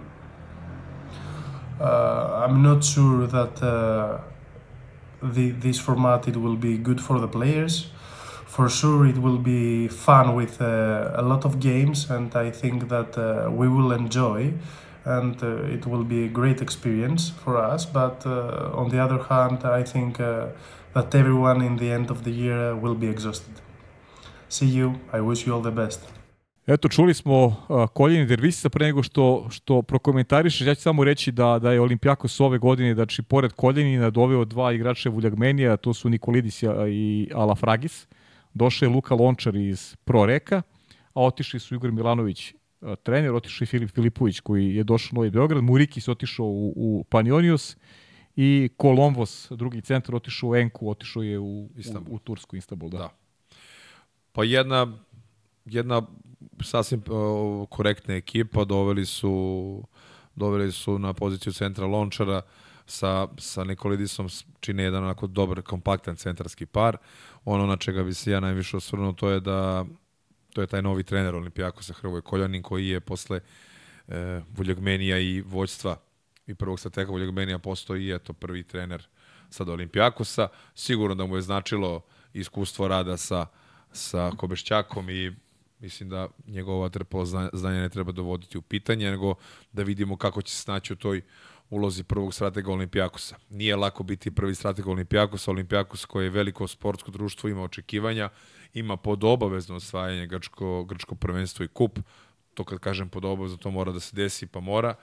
I e, ambicije Olimpijakosa u Evropi koje su uvek na najvišem nivou. Uh, ekipa za res, respekt, respekt i ekipa da vidimo kako će se snaći u toj grupi koja je jedna od najinteresantnijih možda u, u, u ovoj, u, od ove četiri grupe, tako da ali ono što, što treba, što raduje, to je uh, da je Olimpijakos uspeo posle tih velikih pet gola razlike se vrati u utakmicu i da kasnije kroz, kroz peterce obezbedi ta dva boda i ostane neporažen u, u Atini. Kao što je Dervisis rekao malo pre u ovom izlaganju, e, da da će jako biti upitno i teško šta će da se desi posle repestih selekcija, na koji način će se i kakve će se igrači vratiti u klubove. O, i nadovezao se na našu priču. Biće interesantno svima ostalima osim igračima. Tako da, eto, videli smo i, i reakcije i očekivanja igrača Olimpijakos, inače Dervisis je postigao taj posljednji penal i pobedili su Jug, tako da, Da, pa hvala nisi- mu na videu i Nisi ti slučajno pozdrav. izabrao, i nisi slučajno izabrao Dervisisa, ba, da, Da. baš on bude ovaj učesnik u podcastu. Hvala mu još jednom, danas se će sedeti na toj stolici jednom prilikom uh, Dervisisa. Pro rekao uh, Dinamo Tbilisi, to je posljednja utakmica koju ćemo analizirati, posljednje dva kluba koje ćemo analizirati. Šta reći o, o Pro Reku? Ajmo da krenemo od Dinamo iz Bilisija, ovaj, Dekija Stanojevića. Uh, vratio se Boris Vapenski iz Breše, znamo da je Boris bio ideja de, uh, selektor Uroša Stevanović da ponovo zaigra za Srbiju i Boris je bio spreman da da ne igre više za Gruziju i da, i da sačeka taj period. U suštini od januara meseca Boris je trebao da igra od, od Evropskog prvenstva u januaru, međutim to novo pravilo da moraš da budeš tri godine u jednoj zemlji da živiš da bi mogao da nastupaš ovaj, za tu reprezentaciju, to sprečava Borisa već ima i godina da čeka ovaj, nije to, nije to rešenje, tako da se Boris vratio u, u, u Dinamo, igraće i za reprezentaciju u Gruzije i dalje, a, a doveli su i Veljka Tankusića iz Crvene zvezde.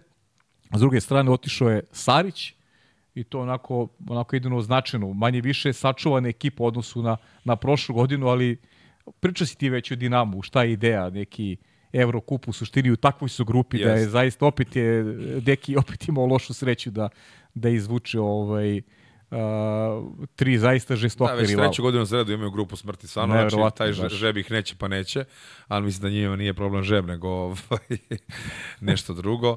E, Pa dobro, i a, žebe, ajde, sad je- a ne dobro, preteruj, i žeb je slažem se, problem. Ajde, ali generalno Dinamo bili se bolja ekipa nego prošle godine. Ostavili Jest, su neki igrače, ali je bolja mnogo ekipa nego prošle godine, sa pojačanjima kao što su uh, Veljko Tankosić i Borisa Penski sigurno dobijaju tu malo bolju oštrinu u napadu, dobijaju na levoj i na desnoj strani e, e, bolje igrače, bit će to jako bitno i jako interesantno gledati ih ajde da vidimo možda više u drugom delu sezone, sezone Nego, nego, da, u prvom, da, da. da se ne naljuti niko, a drago mi je zbog Dejana što radi jako dobar i veliki posao za, za gruzijski vaterpolo i u samom, i u samom klubu. E, ne znam, vredi napomenuti da je Gruzija na ovogodišnjim univerzitetskim igrama osvojila prvu medalju u istoriji uh, postojanja vaterpola kao, kao sporta u Gruziji. Osvojili su bronzanu medalju, iako im je za malo izmaklo to finale i igranje ove, možda čak i za zlatnu medalju. Tako da Dejan Stanović definitivno radi dobar posao i veliki pozdrav ovom prilikom za Dejana i svaka čast na prvoj osnovnoj medalji na univerzijadi za gruzijski vaterpolo. I kad smo već kod Dekija, ajmo da ga čujemo. Prvo htio bih puno da pozdravim sve vas i uvek volim kada sam deo ove emisije koja radi to što radi za naš sport i smatram da je svaka sezona bolja i bolja, tako mi deluje, tako mi se čini i ponovit ću još jednom, stvarno mi je drago što ponekad sam deo vas. Pitanje i sama situacija oko ove sezone takmičarske je veoma specifična i složna i kompleksna. Ali prvo da se obrati, okrene malo mojoj ekipi, ponovo smo dobili grupu koja je e, veoma ne zahteva i izazovna, nego za nas e, u svakom segmentu nedodirljiva, jer smo opet grupa Olimpijakos, Jug i Proreko. I šta reći, verovatno ta te tri ekipe su 6-7 najboljih timova ikad i najboljih ekipa klubova, što zbog istorije, tradicije, rezultata i svega što, što to, ta imena nose. I jako je teško bilo šta u ovom trenutku postaviti, reći, nego da ide se iz utakmice u utakmicu i da vidimo šta možemo u ovom trenutku, ne protiv ovakvih ekipa, vrlo dobro se zna, nego da vidimo šta možemo odgovoriti i da li ćemo biti bolji u odnosu na, na prošlu, prošlogodišnju sezonu. Iskreno, ja sam sam postavio za sebe i pred svoje igrače ciljeve e, i neke želje koje bi trebali da dostignemo, da, a to je ne samo da budemo bolji iz utakmice u utakmicu, nego da i prestanemo da razmišljamo e sad dobili smo ovakvu grupu kako smo dobili, da je možda neka grupa, bilo bi bolje, sigurno bi bilo bolje, ali mi moramo da prestanemo da razmišljamo u smislu, e sad nismo imali sreće, pa šta da se radi, čekat ćemo narednu sezonu. Ne, mi nemamo vremena za narednu sezonu i nemamo vremena da čekamo. Ja lično nemam vremena da čekam godinu dana i moji igrači isto moraju to da shvate, nego da odigraju onako kako bi trebalo da se odigraju, da se pripremimo na svaku utakmicu, ali stvarno tako bi mislim do pobedu, na, na želju da se nadigravaš i da imaš i određeni rezultatski aspekt i cilj. Naravno, svesni smo mi kvaliteta naše u odnosu na kvaliteta drugih ekipa i da čekamo nastavak takmičenja u Len Kupu, gde upravo sa ovakvim pristupom, razmišljajući u svakoj utakmici da se da maksimum, u svakoj utakmici da je bitan rezultat i u svakoj utakmici da se spremamo kroz treninge, u slačionici, kroz razgovore na pobedu, bez obzira na razliku kvalitetu, da će nam u Len Kupu, da će biti za nijansu slabiji protivnici, uz možda malo srećniji i povoljniji žreb, omogućiti mnogo, mnogo, mnogo bolje bolje i ciljeve i, i rezultate i putanje koje bi trebali da, da, da, da, da stremimo. Tako da u tom trenutku i na taj način razmišljam i tako pričam sa mojim igračima. Koliko je komplikovana i kompleksna sezona, pa mi smo sport koji je pomerio sve granice na glavačke. Da imaš evropsku i svetsku razmuku od e, mesec dana, da se deli sezona kako se deli, ali nije to ni prvi put nažalost, čini mi se ne poslednji i da je nešto što mi moramo da se prilagodimo, pričam za trenere i za igrače, i da u tom smislu funkcionišemo. Mi ćemo imati Ligu šampiona, posle toga ja sa svojom reprezentacijom Evropsko prvenstvo, nade da ćemo napraviti jedan korektan i lep rezultat, pa samim tim otići i, u, i na svetsko prvenstvo, pa posle toga odmah klubsko, to su stvarno neverovatne stvari, je kada pričaš sa bilo kojim drugim trenerom, bilo kog drugog sporta, to je njima neverovatno i nepojemljivo ali u ovom trenutku je tako, pa ćemo se mi okrenuti u tome i tako ćemo raditi, tako ćemo pokušati da napravimo što je bolje mogući, mogući rezultat. Kada pričamo o Ligi šampiona ove godine, opet smo se vratili na format 4 puta 4 svako ima svoje prednosti, ima mane. Za nas lično je bilo bolje da imamo velik broj utakmica. Prošle godine smo imali 14 i predprošle godine. Ove godine ćemo imati samo 6, pričamo o Ligi šampiona. To je za nas velika veliki nedostatak iz prostog razloga, pa evo nama prva utakmica koju smo imali zvanična je Proreko. Pa sledeća zvanična utakmica će biti Olimpijakos. Pa sledeća zvanična Jug. Prema tome ti nemaš ošte utakmica domaćeg prvenstva, mogućnosti veoma teško sparing, je Gruzija mnogo daleko i bilo kakav sparing iziskuje ogromna finansijska sredstva, treba to menjati dva leta. Bilo koga da pozove što je gotovo nemoguće, ti da odeš može, ali su to veoma skupe karte. I u ovom trenutku je za nas to da igraš e, samo te utakmice. Reko, Olimpijakos, Jug, i ponovo tako tri puta bez jedne utakmice nekog protivnika tvog nivoa, tvog ranga, nešto malo jači ili slabije, da ćeš ti da se uigravaš, da probaš neke taktičke varijante, da, da vidiš kako to izgleda, stvarno je jako teško i onaj ko se nije našao u ovoj situaciji da, da ti nemaš nikakve utakmice, nego ideš odma i to na ovakve tri ekipe, bez bilo kakvih drugih utakmica je mnogo teško. Ali ponovit ću, to je realnost, to je objektivnost, mi smo tako, tako živimo, ako mogu reći, mi smo na to pristali, svesti smo i mi moramo da se okrenemo koliko možemo. Naravno, imaš objektivne razloge kad ti pričaš da nije isto imati utakmice, ne znam, Jug je odigrao do sad 20 utakmica, dajem primer, ovaj, a mi jednu i da je to neverovatno poređenje, ali je to nešto što je realno, što je tako, ali moramo staviti sa strane i opredeliti se i gurati se na ono što imamo u ovom trenutku. U svakom slučaju veoma zahtevna sezona za svakog od nas i za moje igrače i za mene kao trenera, kažem, i vodim i klub i reprezentaciju, treba sve to spojiti, treba uklopiti, treba nastaviti, ali mislim da izazovi su nešto što nas sportiste čine, čine e, ne drugačijima u nekom drugom ali drugačijima nekom ko je spreman da svaki dan e, krene iz početka, da kad padneš da ustaneš, kada dobro odigraš da ne poletiš previše, da radiš, da se razvijaš i da smatraš svaki dan šansu da budeš bolji. Eto toliko, pozdravio vas još jednom sve u studiju i ponovit ću samo napred i samo, samo, samo gurajte. Svaka, svako dobro, svako pozdrav iz Tbilisija, iz Gruzije i u nadi da ćemo se uskoro videti. Dobro, čuli smo, čuli smo uh, Dekije, nema šta se dodaje za Dekije, osim da ćemo dođemo malo to vino da probamo ovaj, čuveno gruzijsko. To je ono što smo se dogovorili tija odavno. Da, je spomenuo da je malo daleko, ali naćemo načina, tako da pa, Deki ne brini se i ne brini, ve, Deki, verujemo u tebe i doći ćemo. Da. Stižemo. A idemo sada malo i do reka. Uh, pro Reko koji je, verujem da, da je, ono što si rekao s početka, Ferenc Varoš favorit broj 2, da je broj 1 Pro Reko. Ajde za početak Kakaris, Kondemi, to su momci koji su došli, Kakaris iz Juga, Kondemi iz Ortiđa, ali mnogo odlazaka, Lončar, Filjoli, Veloto, to sve igrači koji su imali onako role, pogotovo Veloto i Filjoli, Filjoli koji je legenda generalno Pro Reka, otišao u Savonu, Veloto u ekipu Marseja. Sandro Sukno, dve godine je tamo sve trofeje uzeo, i domaće, i dva puta prvak Evrope. Misliš da je moguće ponoviti? Četvrti put za redom je rekao mogu da bude prvak Evrope, ako su istine tvoje reči. Pa da, evo, kolega što se, što se kaže, znamo se, tako da, meni je broj jedan favorit osvajanja Lige šampiona, prvo rekao i ove godine, tri godine za redom su digli trofej e, ovde u Beogradu. Korona, ona korona godina, pa prošle i pretprošle i drago mi je zbog Aleksandra Ivovića koji je kapiten ekipe i dalje i, i dalje ima zapoženu ulogu i to se i videlo ovde u Beogradu na koji način impresivan igra Leka. Ovo leto je proveo na Malti i, i sigurno sam da, da će pro rekao i ove godine biti jako neugodan protivnik. Jedino ono što me malo brine i za šta, za šta, za šta ne znam i nemam, nemam generalno sliku vezanu za taj povratak iz repstih selekcija. Mm. Kako će to da utiče na, na ekipu?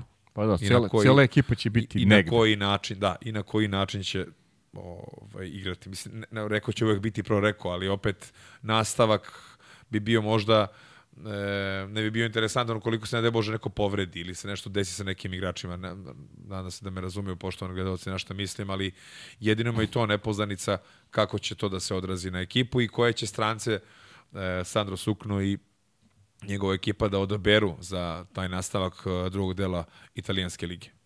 Ajde čujemo i legendarnog Sandra Sukna.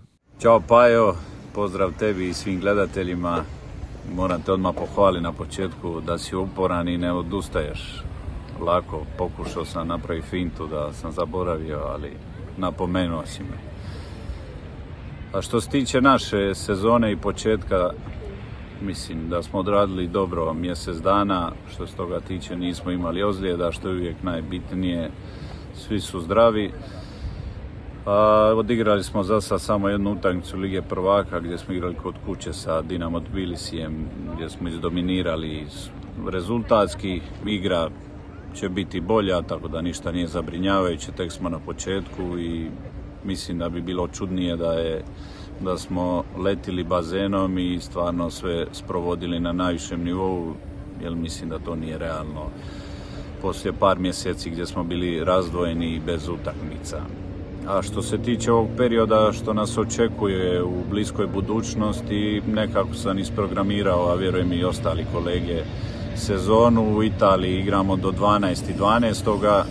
Tada je zadnja utakmica talijanskog prvenstva, imamo početkom 12. mjeseca zadnje kolo Lige prvaka, tako da smo nekako u tom smislu uh, isplanirali sezonu i imamo jednu ozbiljnu skupinu gdje imamo ekipe Juga i Olimpijakosa. Sada na sljedeća utakmica Lige prvaka očekuju Dubrovniku koja je jako, jako važna utakmica za nas. Nije odlučujuća, ali idemo sa željom i ciljem pobijediti u Dubrovniku i onda imamo kod kuće Olimpijakosa i tako onda to bi sve sa te dvije pobjede bilo puno izgledniji naš prolazak i bili bi vrlo blizu i prvog mjesta u skupini. Tako da, što se mene tiče, je puno zanimljivija i bolja Liga prvaka u ovom formatu. Svi riskiraju, počeš i od nas, jer ako ne igraš dobro, riskiraš i da ispadneš u, u prvoj skupini Lige prvaka, što do sada nije bilo slučaj, pogotovo što bi igrali početkom sezone prvo kolo s jednim protivnikom i onda bi tek na kraju 7-8 mjeseci kasnije igrao ponovno s tim protivnikom na na domaćem ili gostujućem terenu, tako da mislim da je pre, predug period, stalno ista skupina, onda se i zadnja dva kola već otprilike sve zna, izgubi se ona žar Lige prvaka, tako da je ovo puno zanimljivije, puno intenzivnije, a tek kasnije da ne pričamo o sljedećoj skupini koju se nadam da ćemo proći, gdje dolazi tri ostale ozbiljne ekipe, pa onda i borba za Final Four, gdje će svaka utakmica odlučivati o tome, tako da pun, pun pogodak što se tiče formata Lige prvaka, a što se ostalih stvari tiče, možemo, teško može biti gore u svijetu vaterpola. Što se tiče talijanskog prvenstva, tek smo na početku, igramo u prvi, prvi desetoga, igramo prvo kolo, jer tako je napravljeno u Italiji da se ne igra ranije, jer traje prošla sezona je trajala do, do pola devetog mjeseca, tako da je nemoguće igrati ranije zbog registracije i svega toga, ali mislim da smo nažalost izgubili dva, tri kola u devetom mjesecu da odigramo ili kasnije sada non stop igramo dvije utakmice tjedno, non stop smo na putovanjima, tako da će biti dosta zbijeno i mislim da ćemo morati malo više riskirati u talijanskom prvenstvu jer kao što sam rekao imamo dosta ozbiljnu skupinu Lige prvaka i onda kasnije ide Europsko i svjetsko prvenstvo gdje kao što svi znamo imamo veliku većinu igrača koji idu u reprezentaciju tako jedino što se nadam da će se vratiti zdravi kako i god umorni sa osvojenim medaljama sa zadnjim mjestom stvarno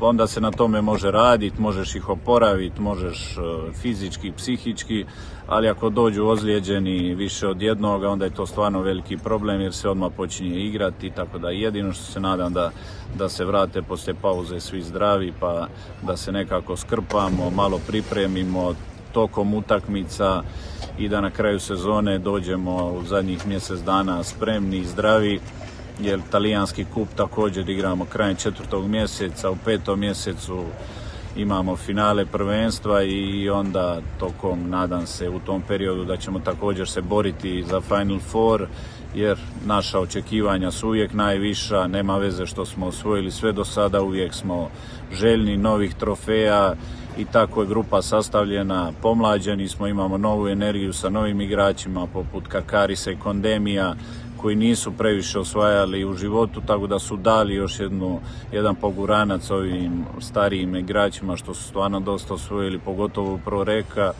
ali idemo dalje, polako, korak po korak, za sada je za nas najbitnija utakmica u Dubrovniku. Veliki pozdrav svima, cijeloj Waterpolo obitelji i vidimo se. Nikola, to je to u principu. Mislim da nema šta se dodaje na, na, na Sandrove reči, da ih, da ih komentarišamo. Sandro je objasnio šta šta očekuje, rekao i kako on vidi kako vidi sezonu. Dakle, Liga šampiona je Liga šampiona je a, počela sa svim tim problemima koje koje pravi kalendara. A, pre nego što čujemo i Marka Štefaneka a, za kraj iz jednog iz novinarskog ugla, čoveka koji je autor Total Waterpola. Uh, ajde malo još samo da mi prokomentarišeš ovo što smo se dotakli s početka. Beograd, Srbija, imamo situaciju u kojoj legendarni bazen Banjica ne radi, nema vode, deca treniraju, trče po bazenu. Nekada se, seća se 11. aprilu igrao tenis u, u bazenu, nije bilo tako davno, ima 20 godina, ali, ali opet onako još jedna ružna priča kada govorimo o vodenim sportovima, pre svega o vaterpolu, koliko je toliko toga dao našoj zemlji sad. Znam da si ti svedok toga, pomeraju se termini, sad se traži način da partizani i selekcije partizanove negde treniraju, pa se pomeraju i termini, kapaciteti popunjeni. Nema jedan i po kršten bazen u gradu koji ima 2 miliona stanovnika, a mi pravimo ambicije o tome da se osvoje neke medalje, da se igra Srbija koja od 2000. godine ima u Vatrepolu osvoja redovno olimpijske medalje. Nije se desilo 2000. godine da Srbija nije osvojila olimpijsku medalju u Vatrepolu, a mi nemamo osnovne uslove, nemaju djeca te da treniraju. Šta reći? A ne zaplakati. Pa mislim da nas jako težak period očekuje vezano za to što se pomenuo. Nedovolj, nedostatak infrastrukture, pogotovo za vaterpolo ili ti plivačke sportove, da kažemo da su to svi plivački sportovi, a to nisu samo sportovi, to je i građanstvo koje sigurno ima, ima svoj, svoj udeo, što je jako, jako bitno. E, mm, meni, je samo, meni je samo nije jasno kako se a, dozvoli nešto da dođe do toga da, da više ne može se koristi i onda se, i onda se renovira ili ti rekonstruiše. Mm -hmm. Da li postoje prioriteti ili ne postoje, očigledno ne postoje kada se kada je pitanje uh, sportska infrastruktura ovde u Beogradu, ali ja bih voleo da se povede malo više računa o to unapred da se planira, a ne da se, do, da se u minut do 12 rešavaju stvari. Jer onda kad se rešavaju stvari u minut do 12 mi imamo situaciju danas koju imamo. Uh, da deca nemaju gde da treniraju, da klub kao što je Partizan nema gde da trenira, da mora da traži alternativu po, po opštini Beograd ili po okolini Beograda ili na ostalim bazenima i šta će se onda da se desi ukoliko Partizan doživi uh, ne, ne trenanje do sledeće godine. 50% deca, deca će da izgubi, tako? Jer će ti dečaci da gledaju svoje drugare u ostalim klubovima, dobiju vjerovatno neke termine koji nisu adekvatni njima, je li tako? I onda će da pređu i odu iz kluba.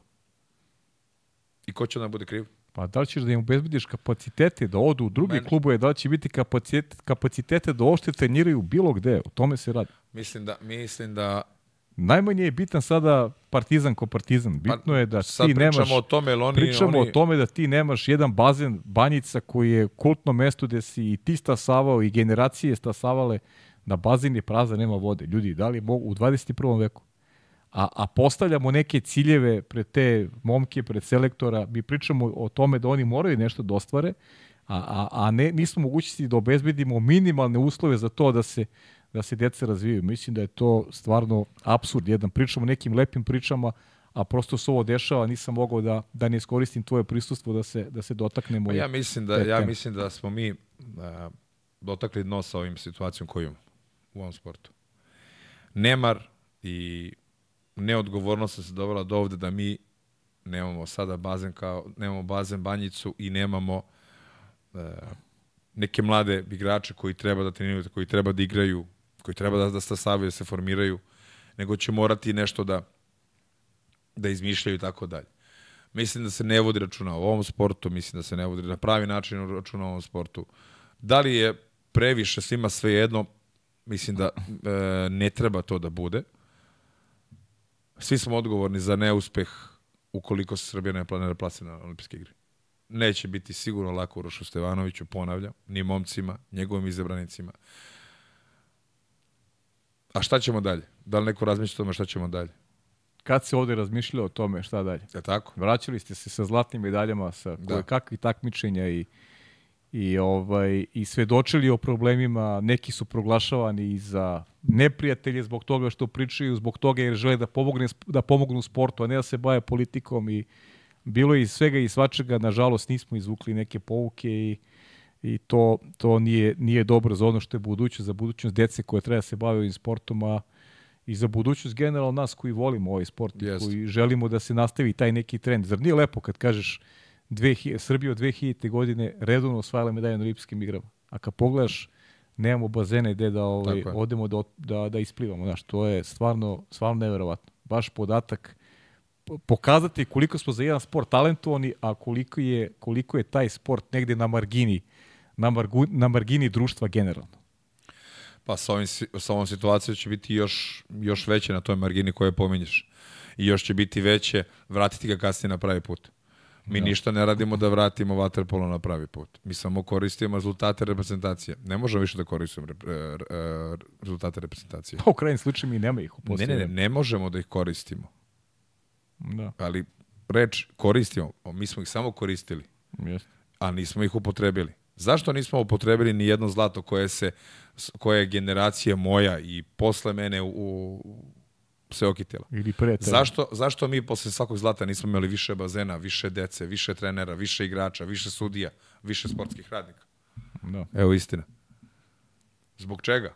Jer nama je dovoljno tri dana novine, sve ok, idemo ne. na odmor svi. Sve- Niko, ovako, niko završavalo e, to je meni, sve i to je meni jako, to je mene, to je mene to. najviše boli. Sad kao mi sad brinemo, nema bazena. Pa nema bazena zato što ništa nije urađeno da bude bazen. Ili jeste urađeno, ali ne u mediju koje treba da bude. Nemoj da zaboravimo bazen iz arene 2016. godine kad smo bili evropski prvaci, a i dalje u Vinjačkoj banji. Jeste.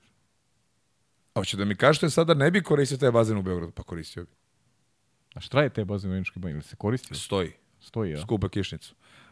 Nije ovo kritika, ovo je samo realna situacija. Ne, Pa ne. ne. mislim, Pa ne, do, ljudi- sigurno će neko se uvrediti Pa po ne, tome, ali- baš pa me zato više što- briga. zato se- što ljudi Znaš sve šta, doživljavaju lično, Pametni to razmišljaju, glupi se vređaju, to je to, nema, nema šta više se priča, ali uh, mislim da moramo svi da, da budemo svesni da više, da više nemamo prava na luksus, da ukoliko se ne plasiramo na olimpijski, da to je jako veliki poraz za ovaj sport.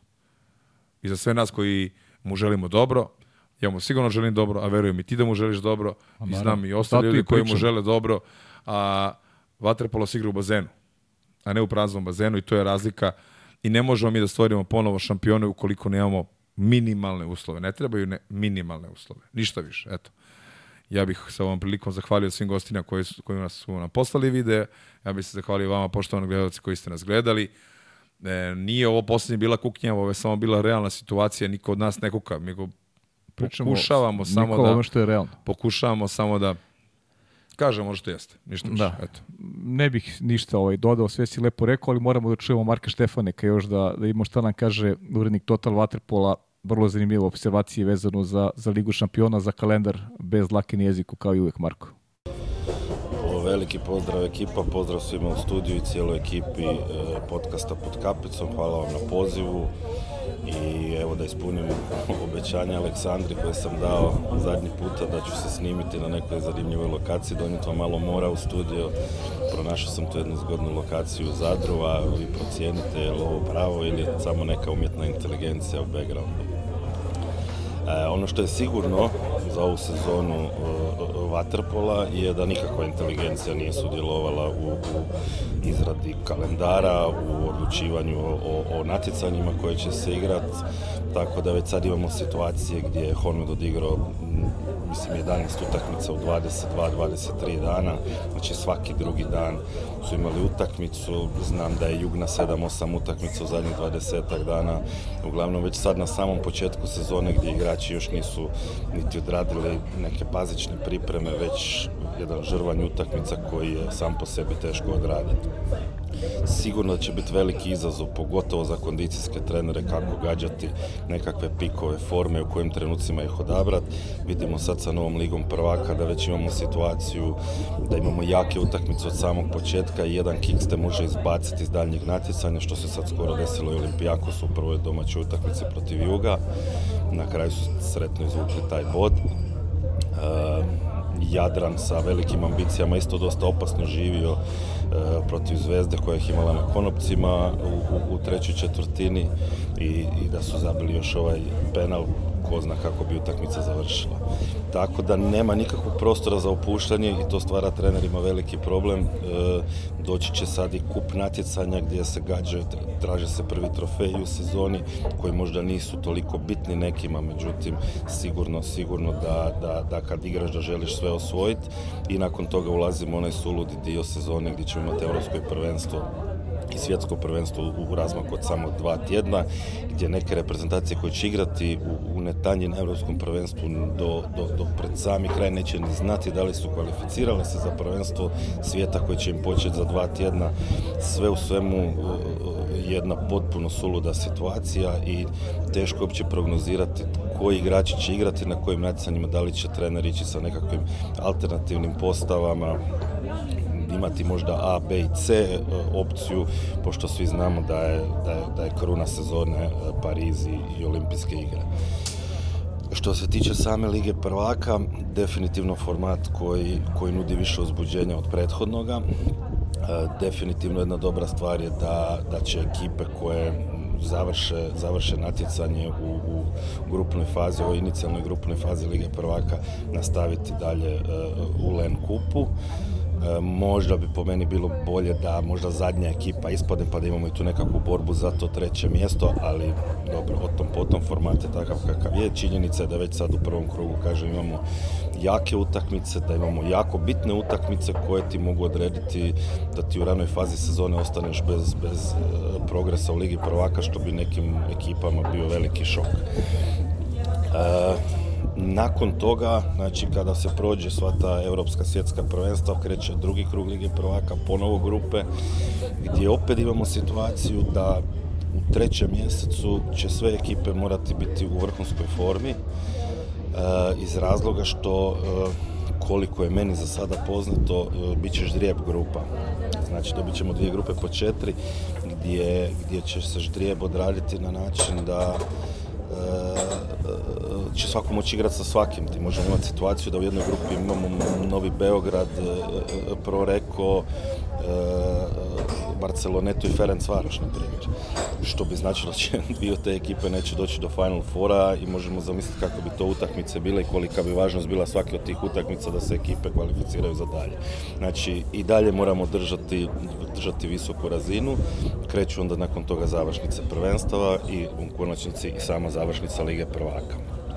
Što se tiče nekakvih favorita i, i, i ekipa koje ajmo reći, možemo svrstati u neki krug favorita, mislim da, da unatoč ovom prvom kolu gdje kažem još, još se vidi da su svi u priprema da im fali utakmica, definitivno pro rekao sa Kakarisom je dobio po meni još jednu novu dimenziju gdje on i Helog će biti sigurno najjači centarski tandem na svijetu uz, uz ovu vanjsku liniju i, i kemiju koju oni imaju i koju je Sandro, način na koji je Sandro koncipirao ekipu. Mislim da su po meni favorit definitivno broj jedan i možda E, e, jedina ekipa koja po, po igračkom rosteru i po, po dužini klupe prvenstveno bi mogla tu parirati po meni Ferenc Varoš koji je sad sa Mandićem i Disomom postao no, stvarno jedan napadački stroj. E, Barceloneta je uvijek nezgodna i da se razumijemo, situaciji Final Fora gdje će se ovaj put igrat e, e, e, polufinala i finala sa jednim danom pauze gdje će se ipak ekipe moći regenerirati u toj jednoj utakmici i pro reko može izgubiti bilo od Ferencvaroša, bilo od Barcelonete, Novog Beograda, pa naravno čak i Olimpijakosa možda ili, ili Marseja, Jadrana ili ovisi koja ekipa će se tamo naći, ali kažem, po meni prvi favorit za sad pro reko, iza njega Ferencvaroš i tu onda idu Novi Beograd, Novi Beograd i, i Barceloneta. Ja nekako vidim te četiri ekipe da bi trebale doći do Final Fora. Naravno, sve će ovisiti o tom ždrijebu koji jednostavno za sada još ni, nemamo nekakvu službenu potvrdu kako će izgledati. Eto, toliko od mene, šaljem vam puno pozdrava i vidimo se uskoro. Pozdrav! Evo, čuli smo Marka Štefanika, zaista nema šta da dodam, e, kao što sam i rekao i u najavi, bez dlake na jeziku, uvek otvoreno priča o svim problemima e, koje, koje more vaterpolo, neko ko obožava ovaj sport i uh, još jednom topla preporuka za, za sve vas i koji ste u sportu i koji niste, da ovaj, pratite sajt Total Waterpolo, mnogo zanimljivih stvari koje možete da vidite, u krajnjem slučaju da se informišete o, o aktualnostima koje uh, koje prati ovaj divni sport. Ništa Nikola, to je bilo to. Ovaj da se da se pozdravimo za ovu priliku, ti se zahvalim još jednom ko zna koji put. Verujem da će i ovaj podcast biti onako imati odjeka. Hvala svim ljudima koji su učestvovali. Nešto slično ćemo svakako ponoviti u neko, neko dogledno vreme, a držim fige, navijamo napred taš. Da, pa hvala tebi, pa ponovo smo ponovo sam imao priliku da budem u prijatnom i lepoj društvu, u atmosferi da pričamo o temi o kojoj najviše volim, analiziramo Ligu šampiona, analiziramo klubove u Ligi šampiona, igrače i tako dalje. Mislim da ćemo da smo napravili jednu lepu vertilu jednu najavu za Ligu šampiona koja će nas očekivati ove sezone. Takođe smo se do, do, dotakli i, reprezentacije i aktivnosti reprezentacije, ali uh, evo, želim sve najbolje i klubovima u Ligi šampiona, a pogotovo našoj reprezentaciji i Orušu Stevanoviću u svim uh, akcijama koji ih očekuju ove i sledeće godine. A svima vama koji hoćete gledate najzabavniji, najlepši, najšaljiviji vaterpolo, dođite na Taš, jer Taš je naš. Ništa, ja se zahvalim cijeloj vaterpolo zajednici i svima koji su učestvovali u kreaciji ovog podcasta. Pozdravlja vas i da najavim da će u 142. epizodi gost biti e, Dušan Vasić, vaterpolista Crvene zvezde. Thanks.